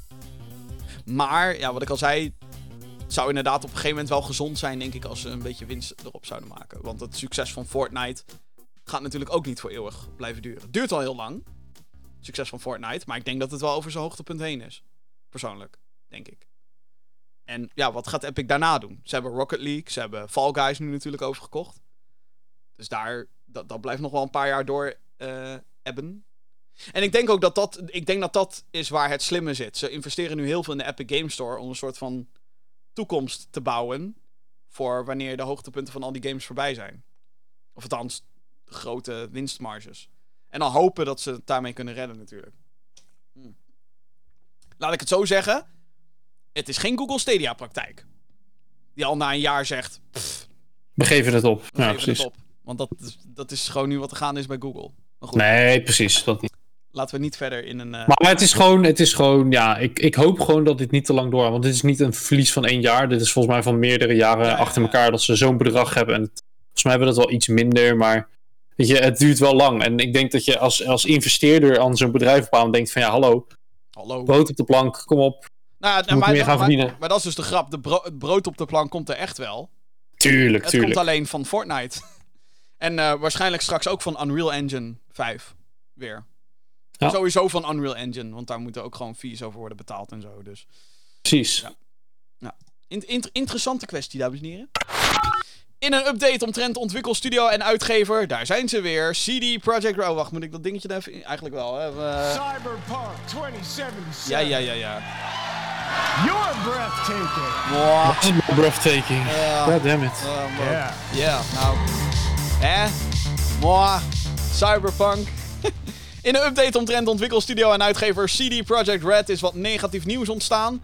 Als je althans een speler bent die zich aan het verheugen was op de multiplayer mode van Cyberpunk 2077. Voorheen less.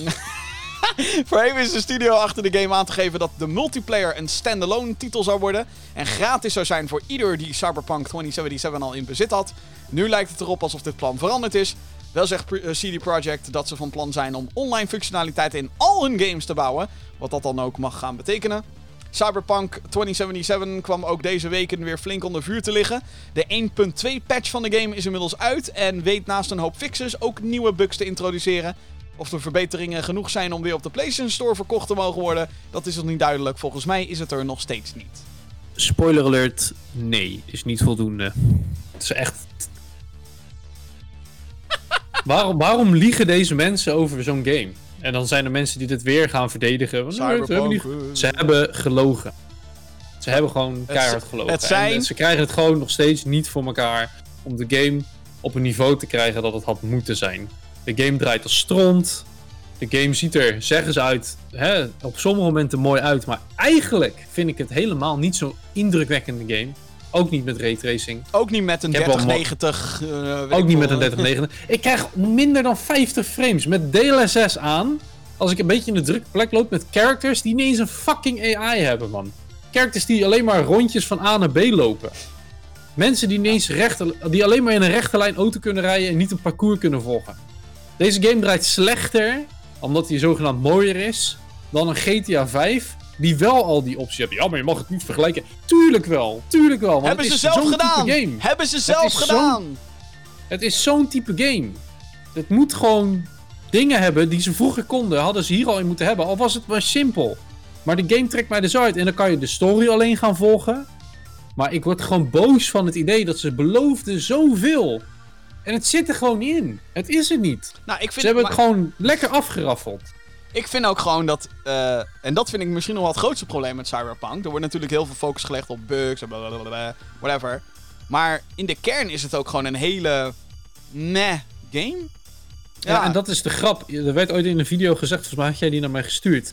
De bugs van de game halen de, de, de focus weg van het echte probleem van dit spel. En Ja. dat is hoe slecht die eigenlijk is. Kijk, story-wise was die best oké. Maar alles, alle systemen die in dat ding moeten draaien, die draaien niet. Er is geen AI. Er is geen... Zelfs de enemies die je tegenkomt, die zijn maar ook, maar, ook, dan... maar ook dat hele gedoe van... We got branching storylines, blablabla. Nee, dat Nee. is er niet, nee. Nee. Dat maakt niet uit welk begin je kiest. Het enige verschil wat je krijgt is, dat je een aantal gespreksopties anders hebt. Maar in principe voor de Ja, en- storyline en- en de- het niks. En de eerste 20 minuten zijn anders, maar daarna krijg je ongeacht ja, maar dat is ook, ook niet helemaal waar. Want het is bij nee, eentje, maar nee, nou, bij, bij nee. de, de Nomad is het anders. En het is wel eh, 20 minuten daar. Maar bijvoorbeeld bij de Corpo die ik heb genomen, na, na 5 minuten denk je, nou, eh, eh, oh, ik moet iemand eh, op gaan lichten.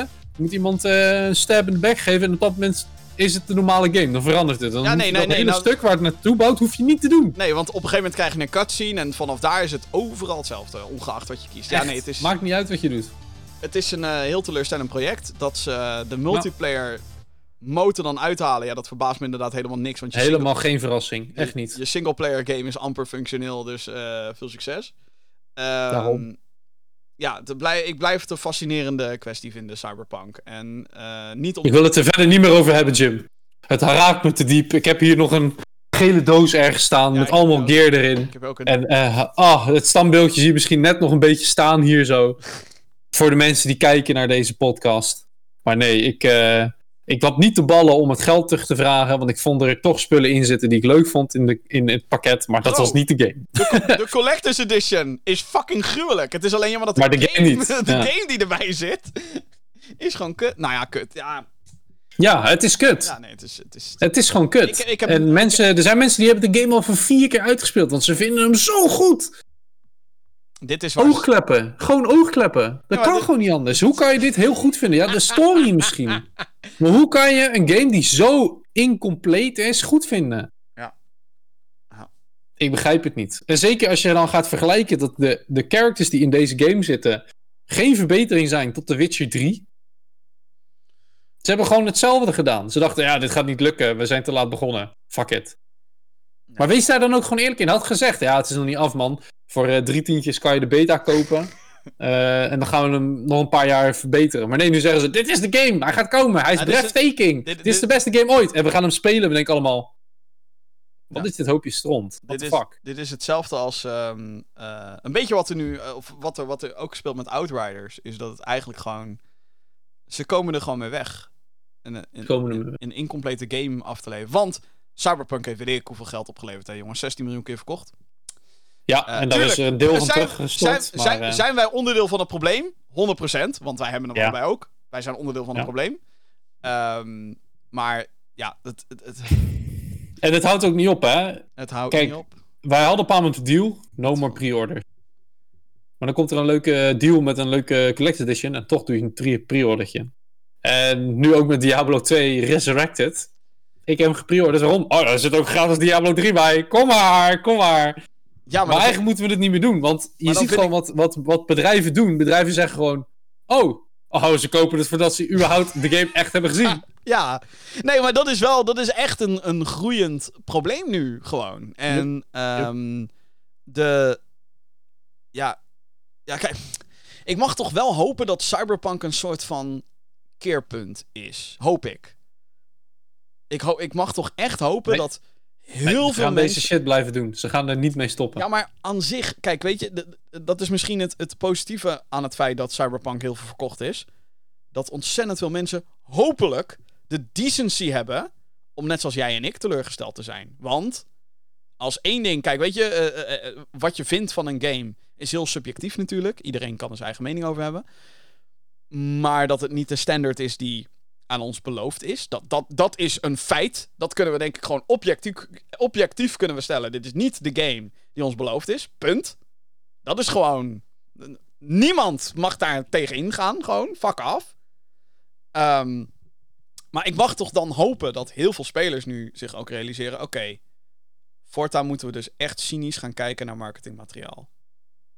En Ja. wat dan wel de grap is, dat je dan Diablo 2 Resurrected nu erbij haalt. Is dat die game er dan daadwerkelijk al goed uitziet en al daadwerkelijk gespeeld wordt door mensen. Ja, het is ook- al een alfa natuurlijk geweest Ja. en die wordt goed ontvangen. Och, En dat is het voordeel. Maar Heel eerlijk, advocaat van de duivel. ja, ja, ja, ja, ja, ja. Cyberpunk is natuurlijk ook op beurzen geweest en is ook gespeeld. En mensen waren helemaal lyrisch. Ja. En toen kwam het complete spel en toen was het wah, wah. Ja. Dus Grote verschil natuurlijk wel, dat is een beetje appels met peren daardoor. Diablo 2 Resurrected is een, is een remaster eigenlijk. ja, klopt. Van een- van een klopt. Dus je game. kan al een beetje weten wat je kan Ja, verwachten. en het is, het is echt in die zin een remaster, want het is in feite gewoon de oude game en de nieuwe graphics draaien er bovenop. A la Master Chief Collection. Je kan ook switchen tussen de oude en de nieuwe graphics. Halo, Master Chief Collection trouwens. Ehm, dus eh, wat dat betreft, eh, wat we nu doen is een beetje appels met peren, maar... ehm, Tuurlijk, tuurlijk, tuurlijk. maar ik hoor. ik- gewoon, maar, maar wat dat betreft ben ik echt oprecht nog steeds gewoon boos op CD Projekt Red. Want ik kwam van Gamescom 2019 met... Holy fuck, die game zag er fucking bruut uit. En het was echt, want het draaide echt. Want de game crashte en ze moesten even een checkpoint opnieuw opstarten. Dus dat is het verhaal wat ik nog steeds vertel. En het, is, Yep. het, was, het was... Tuurlijk, het, het was echt... Die game, dat stuk was waarschijnlijk inderdaad speelbaar. Maar dat was niet de Cyberpunk die nu geïnstalleerd staat op mijn computer. Nope. En ook niet een vroegere versie van de Cyberpunk die nu op mijn computer geïnstalleerd staat. Het was gewoon een apart ding. Externe versie, Een ja. externe versie. Zo van dit is wat we kunnen laten zien. En de rest staat apart. En dat is gewoon niet af. Want als je alle systemen bij elkaar gaat flikkeren. Begint dan, dan, dan ja. Het is echt gewoon. Die game stort in. Dan, dan, kennelijk. Want ze hebben het niet allemaal werkend gekregen. En ehm, ik, ben eigenlijk, en ik ben eigenlijk ook nog steeds een beetje boos. En ik weet dat ik nu in herhaling ga vallen. Dus dit is dan ook het laatste wat ik er dan over zeg. Ik ben eigenlijk ook nog steeds een beetje boos op al die fucking journalisten en zogenaamde reviewers. Die dan de game een 9 out of 10 geven. Denk, waar de fuck zit je hoofd gewoon? Het slaat dacht helemaal nergens op. Wat dacht je toen je het aan het spelen was? Die hebben het een uurtje gespeeld. En sommigen zullen zeggen, nee hoor, ik heb het echt helemaal uitgespeeld. Ja, nee. Ik Verblind kan het geen 9 of 10 hebben Ik gegeven. dat, hè, weet je, dat, dat, dat wij eh, eh, in deze podcast kunnen verblind kunnen worden door hype en bla bla bla, is één ding. Maar dat je als professioneel, je noemt jezelf een journalist, je noemt jezelf een reviewer, bla bla bla bla bla. En dan geven die game een 9 out of 10 op een professioneel platform. Voor PC. Fuck right off. Maar En tot dan- nu toe zijn ook alleen nog maar de focussen op de fouten geweest die voor crashes zorgen en de bugs. Er is nooit gezegd iets over de systemen die niet goed werken door PR of door. Ook over mensen die reviewen, die op een moment gewoon zeggen: nee, oh, er zitten wel bugs in, maar ik zie die bugs niet, want de story is zo leuk. Fuck de off. game is niet compleet. Hoe, hoe, hoe kan je dit aan mensen verkopen? Hoe kan je mensen zo'n hoog cijfer geven? Dat- Je had hem voor mij misschien op zijn maximale een 6 kunnen geven. Voor, Maximaal. voor, voor, Want hij is niet onvoldoende onvoldoende, maar hij is ook niet echt voldoende. Dus misschien zelfs een 5,5. Maar 9? Ja, maar echt. Jeetje, maar, nee, als maar het nee. zo makkelijk is, dan had ik, met, dan had ik school zo hard makkelijk gehaald. Als ik op die manier gewoon mijn toets kon maken als dat ze deze game hebben gemaakt. Wat ik al zei. Wat ik al zei, het- beoordelen van games is natuurlijk heel erg subjectief. En iedereen mag er lekker zijn eigen cijfertje aan plakken wat hij wil. Maar of zij hebben een of andere gekke beeld gespeeld die niemand anders heeft. Voor, Ja. voordat de game uit was. Of zij zijn compleet verblind over wat nou daadwerkelijk kwaliteitsdesign is. Want dat is wat niet Echt, aanwezig is in Cyberpunk 2077. Ah, ik zei net al dat dat het laatste was wat ik erover ging zeggen. Nou, ga snel. Door, dank u. Een opvallende aankoop binnen gaming dan. Uitgever 505 Games heeft namelijk het IP overgenomen van Ghost Runner. Ken je dit nog? Come on, Ghost Runner? Nee? Wel Ik heb niet gespeeld, ik weet wat het is. Je bent een ninja, digitale ninja, cyber ninja, die toch een beetje heen en weer kan springen. Is het een- Katanaatje. Het is een cyberpunk... Oh, nee, nee, ja, het is een cyberpunk game. Cyberpunk! Snel Cyberpunk! door, door! Oké. ja, uitgever 505 Games heeft dus namelijk het IP overgenomen van Ghost Runner. Dit is dus een first-person parkour en slasher game die vorig jaar verscheen. Ze hebben 5 miljoen euro neergelegd om de franchise over te nemen van All In Games. De game werd ontwikkeld als samenwerkingsproject tussen 3D Realms, Slipgate Ironworks en One More Level. Geen van de studio's is overgenomen door 505. Het gaat enkel om de rechten van de franchise. Hoewel het samenwerkingsverband wel wordt doorgezet, ze komen de nieuwe gratis updates, zoals een next-gen upgrade eh, voor de nieuwe consoles. Eh, of nieuwe, nou ja goed. Eh, de, de, de, current-gen consoles, moet ik het eigenlijk noemen. Current-gen upgrade. En nieuwe modi komen er ook aan. Betaalde DLC is ook gepland. 505 Games is een uitgever die duidelijk als intentie heeft om te groeien. De meeste gamers kennen de partij wellicht van Control, hebben ze uitgegeven. En de PC-versie van Death Stranding, die ook al eerder genoemd is. Beide titels zijn al eerder genoemd. Dit vond ik opvallend. Gewoon dat er een IP overgenomen wordt. En dan uh, ook vooral een eerste deel en zo. Dus waarschijnlijk is de intentie zeker om een tweede deel te maken. Maar, maar hoe, hoe, hoe, populair was die game? Nou, volgens mij was die dus best wel heel erg populair. Want dan vind ik 5 miljoen. Is dat dan veel? 5 miljoen dollar. Nou, ik denk dat de studio. Voor, die... voor de IP? Ik denk het wel. Ik vind het wel veel geld eigenlijk. Want, Ja, ik vind het ook veel geld. Maar als je soms hoort, hoort want je, zou, een game kost. Je zou dat gameplay-principe zou je namelijk... Ik, ik denk dat de game echt niet zoveel gekost heeft om te maken, namelijk. Hm, Verre van, hm. denk ik. Ik denk 1 vijfde daarvan. 1 miljoen misschien. En dan, dan alsnog okay. zitten we misschien aan de hoge kant. Ik, weet, ik kan me daar niet echt in... in ik, ik, ik, weet niet echt hoe dat zit qua budget en hoeveel nou een game kost om te maken. Zeker niet een, een indie of een, of een second party game, of hoe, je, hoe de fuck je dat dan ook wil noemen. Een kleiner project. Ik blijf het trouwens wel altijd grappig vinden dat je dus voor een PC-port meestal een andere studio ziet of hoort is gewoon, ik vind het wel humor. Zo van, hè, we hebben een game gemaakt voor PlayStation. Andere partij, succes ermee. Nou, Maak er maar een, uh, een PC-versie voor. Nou, dit is een andere uitgever, hè? En in, in, uitgever, ja. In het geval van Death Stranding is het dan ook een apart geval. Omdat Sony had natuurlijk de PlayStation-versie um, ja, uitgegeven. En, en, mm -hmm. en mede gefinancierd ook. Uh, de ontwikkeling van die game. En waarschijnlijk dachten ze dat toen. Waarschijnlijk dachten ze, nou oké, okay, we hebben niet de IP in handen. Volgens mij is die nog steeds bij Kojima, namelijk. De, de rechter ja, ja, ja, Death Stranding zelf. En waarschijnlijk waren ze toen zoiets van, nou, laat iemand anders dan maar de PC-versie. Waarschijnlijk gaat er alsnog een cut naar Sony, hoor. Want die hebben gewoon die game gefinancierd, basically.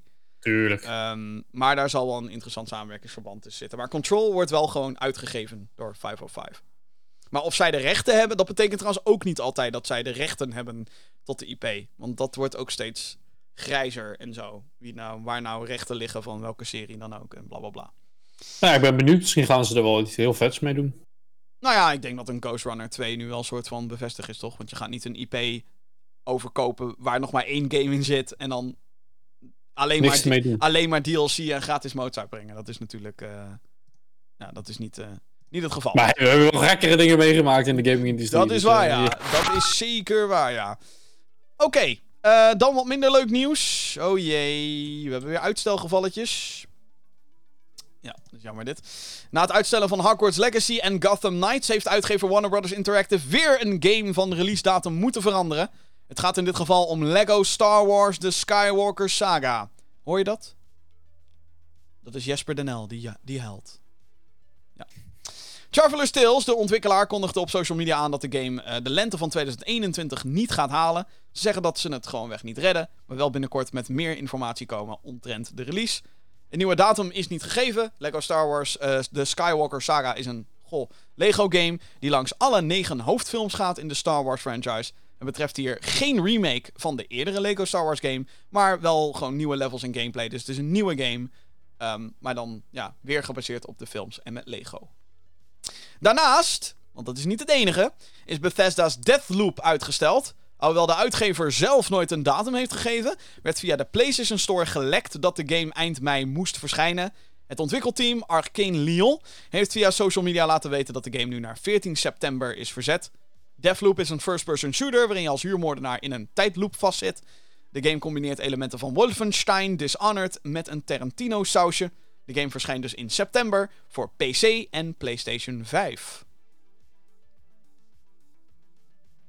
Ja, zonde. Uh, Lego Star Wars was ik zelf niet zo'n heel uh, hype voor. Deadloop. Zal ik, niet zeggen, ik zal niet zeggen dat ik van Deadloop, uh, voor Deadloop heel erg gehyped ben, maar het leek me wel gewoon interessant. Zeker gezien de gameplay van de Dishonored games altijd wel interessant waren. En ik de Wolfenstein games eh, shooter technisch heel leuk vond. Ja. Dan denk ik, nou, dit is een leuke combi, eh, kom maar op.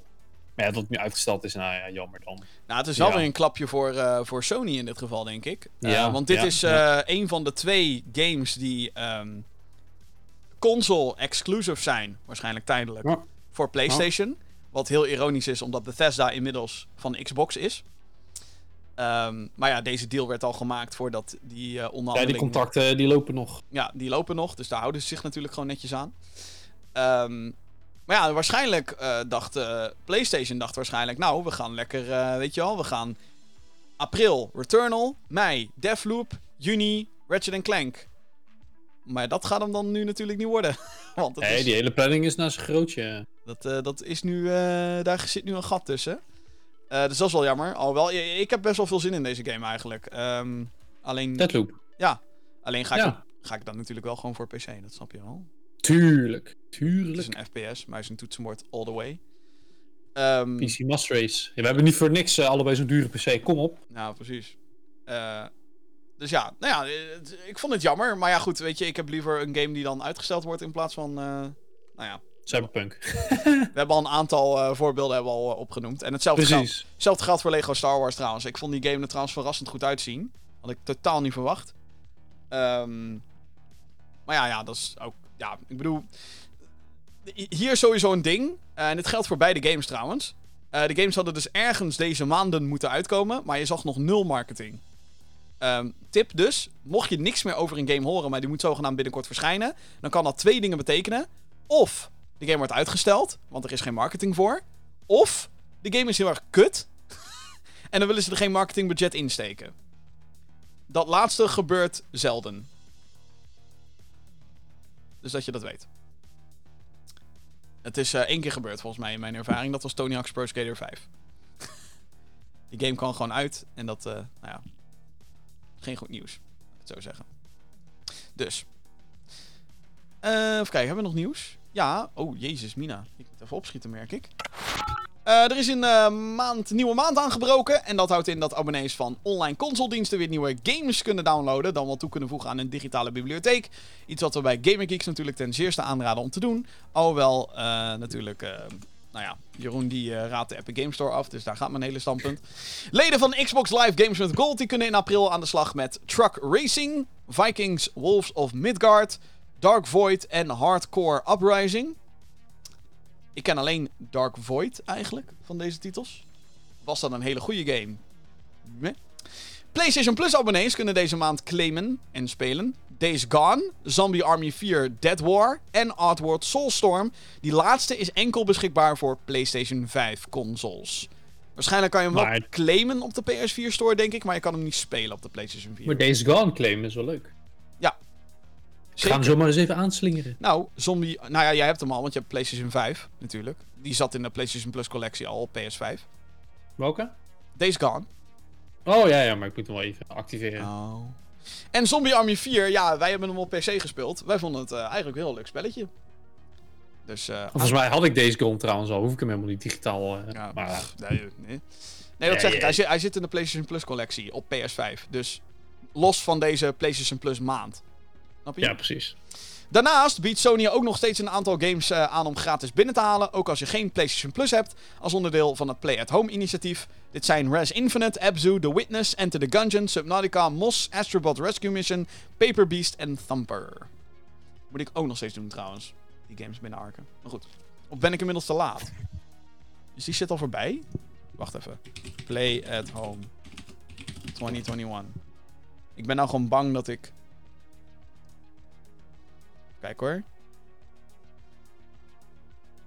Oh, en Horizon Zero Dawn is gratis vanaf 19 april. Holy shit.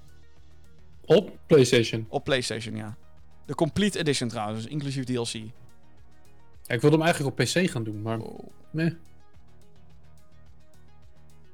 Ja, nee, volgens mij... ehm, Oh, Horizon op PC. Ja.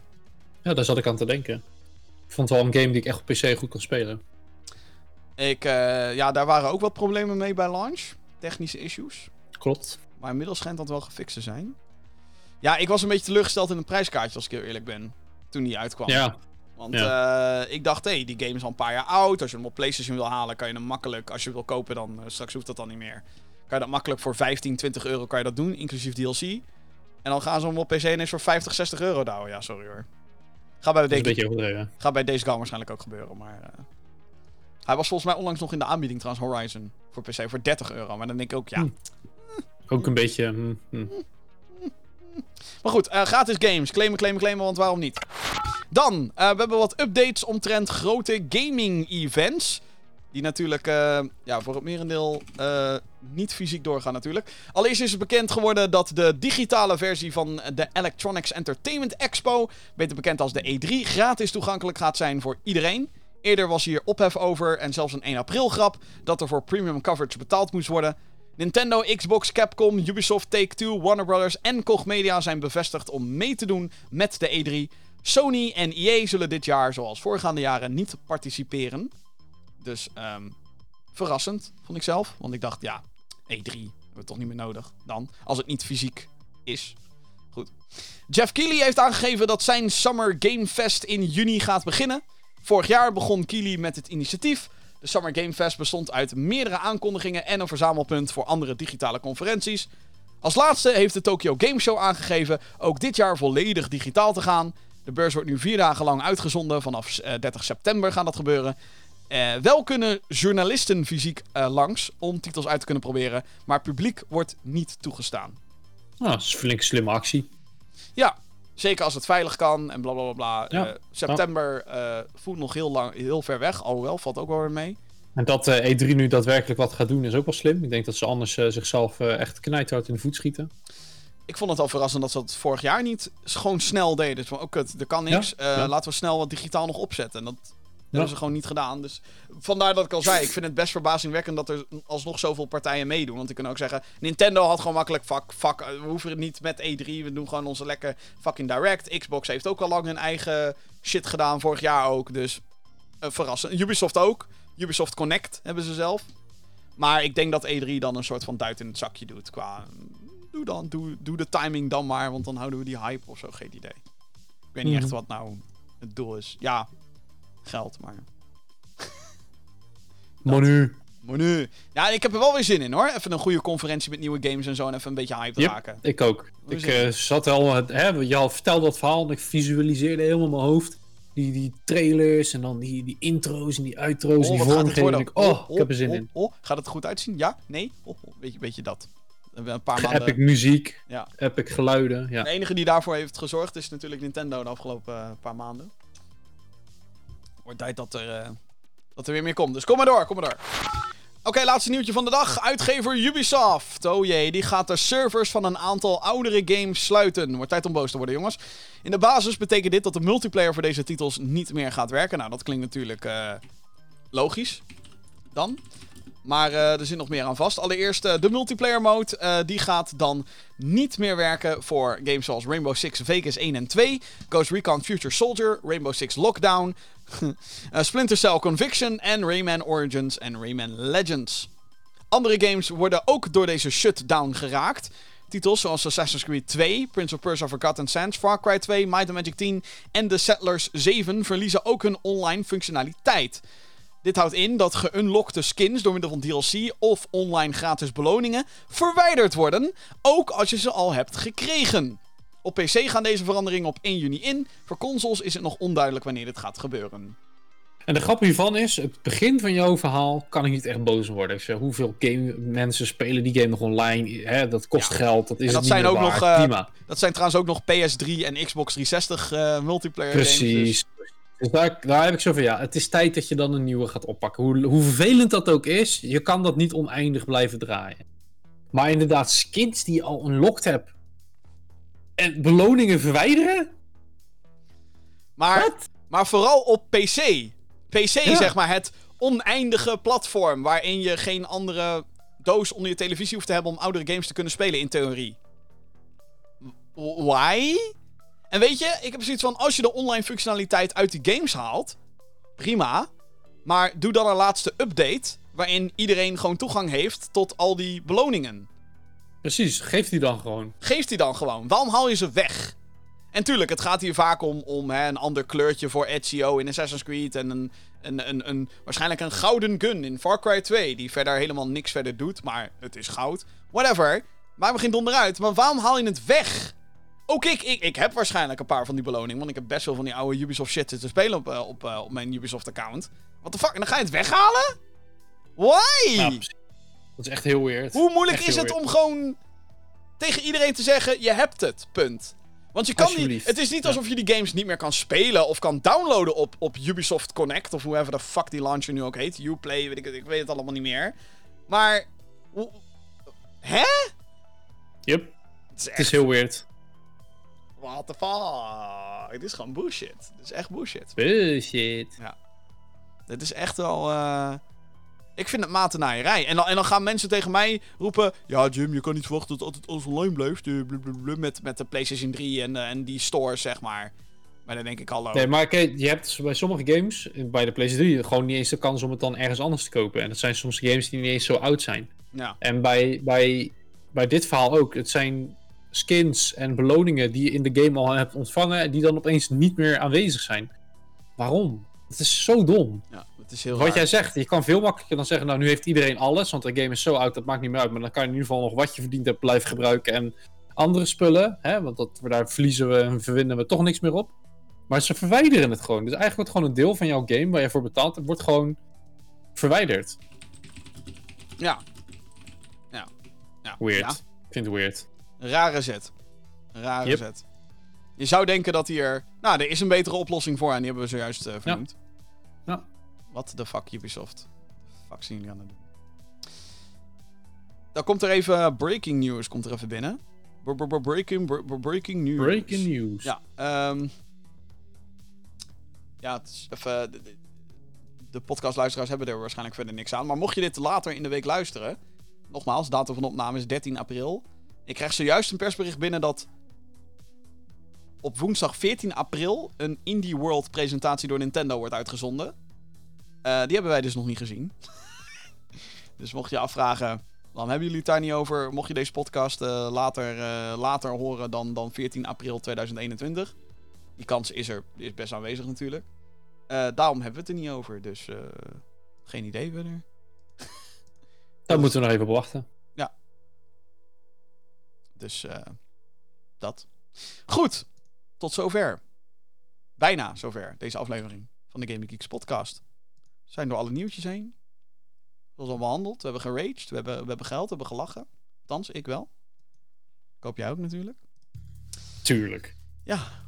En dan rust mij natuurlijk te zeggen dat als je dit enigszins een leuke show vond, als je denkt, nou, ik heb eh, wel een leuke, eh, Jezus Christus, 1 uur en drie kwartier, eh, wel een leuk vermaak gehad met die twee gasten. Dan zou ik zeggen, abonneer even op deze show. Dat kan via je favoriete podcast-app, zo- zoals Google Podcast, Apple Podcast en natuurlijk Spotify, die bestaat ook.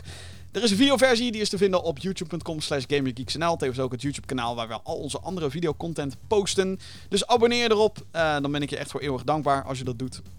Of althans, Nee, ik ben je gewoon dankbaar als je dat doet. Zou, fijn zijn. Meer dan alleen maar de videoversie en de podcast en nieuws en release-overzichten kan je allemaal vinden op gaminggeeks.nl. Eh wat ik al zei, eh, heb je vragen voor deze show, eh, dan kan mailen natuurlijk ook, altijd podcast.gaminggeeks.nl. Ik zeg podcast.gaminggeeks.nl. Ehm, nog meer, join onze Discord en eh, bid voor ons dat we een keer mogen winnen in Warzone. Is er nog iets specifieks wat je gaat spelen, Jeroen, voordat we afsluiten deze week? Ja, ik hoop gewoon eindelijk weer verder te kunnen gaan met één Diablo en twee Valheim. Dat zijn twee games waar ik echt van, nou, daar ik even mee door. Oh, en eh, eh, we hebben met een groep vrienden natuurlijk, eh, daar hebben we het al eens eerder over gehad, de game Secret Neighbor gespeeld. Ja. En we hebben nu een game die heet Project Winter. En die wil ik gewoon weer een keer oppakken, want die heb ik wel gekocht, maar echt misschien alleen de tutorial gespeeld. En die wil ik gewoon weer met die groep gaan spelen. Lijkt me gewoon leuk, mensen een beetje in de maling nemen, een beetje mensen, hè, een beetje wolven van Wakkerdam, alleen dan in een videogame vorm. Een beetje mensen, ja, gewoon elkaar een beetje distrusten. Dat is gewoon lachen. Ga even Leuk. de vertrouwensband die je hebt gewoon helemaal kapot maken. Precies. En daarna zeggen, en het was allemaal leuk hè, we hebben Allemaal leuk. gelachen. Zijn we toch goede vrienden van elkaar? Goeie vrienden. Ik verheug me dus op, let u op, Shadow Man Remastered. Shadow Man? ja, man. Oké, Shadow Man is dus een game uit 1999. Die kwam toen uit voor de Nintendo 64, eh, de PlayStation 1 en PC. En Night Dive Studio, zo'n zo'n zo'n partij die wel bekend staat om gewoon oude games uit een graf te halen en dat speelbaar te maken op moderne PC's en eh, andere consoles vaak ook nog bij. Die gaan dus deze week een remaster daarvan uitbrengen. En op de een of andere reden, vraag me niet waarom, want ik, het is niet alsof ik het origineel heel veel gespeeld heb of zo. Ik heb er gewoon zin in om gewoon zo'n fucking oude game. Het ziet er wel echt fout uit, om Het heel ziet er eerlijk te heel zijn. fout uit. Het is echt gewoon Ik ben benieuwd. echt, ik ben benieuwd echt wat je van ervan dat gaat vinden. heel early 3D, third person, weet je al. Boom, boom, boom. Night Dive heeft ook eerder Turok gedaan trouwens. Dus dat hebben, ze heel goed gedaan trouwens. Gewoon echt oude games. Compleet absoluut eigenlijk. Maar, for the sake of preservation... preser- daar is een Engels woord voor. In de historie van videogames. Vind ik het zeg maar mooi dat ze het doen. Gewoon weer speelbaar. Goede resoluties. Geen gekut met fanpatches. Oh wel. Respect naar al die mensen online die fanpatches maken voor oudere games, zodat ze kunnen werken op Windows 10 en dat soort shit. Dankjewel. Goed, en daarmee wil ik jou ook hartelijk bedanken voor het kijken, dan wel het eh, luisteren natuurlijk, naar deze 167ste aflevering van de Gaming Geeks podcast. Dankjewel en heel graag tot een volgende keer. Daag! Ja.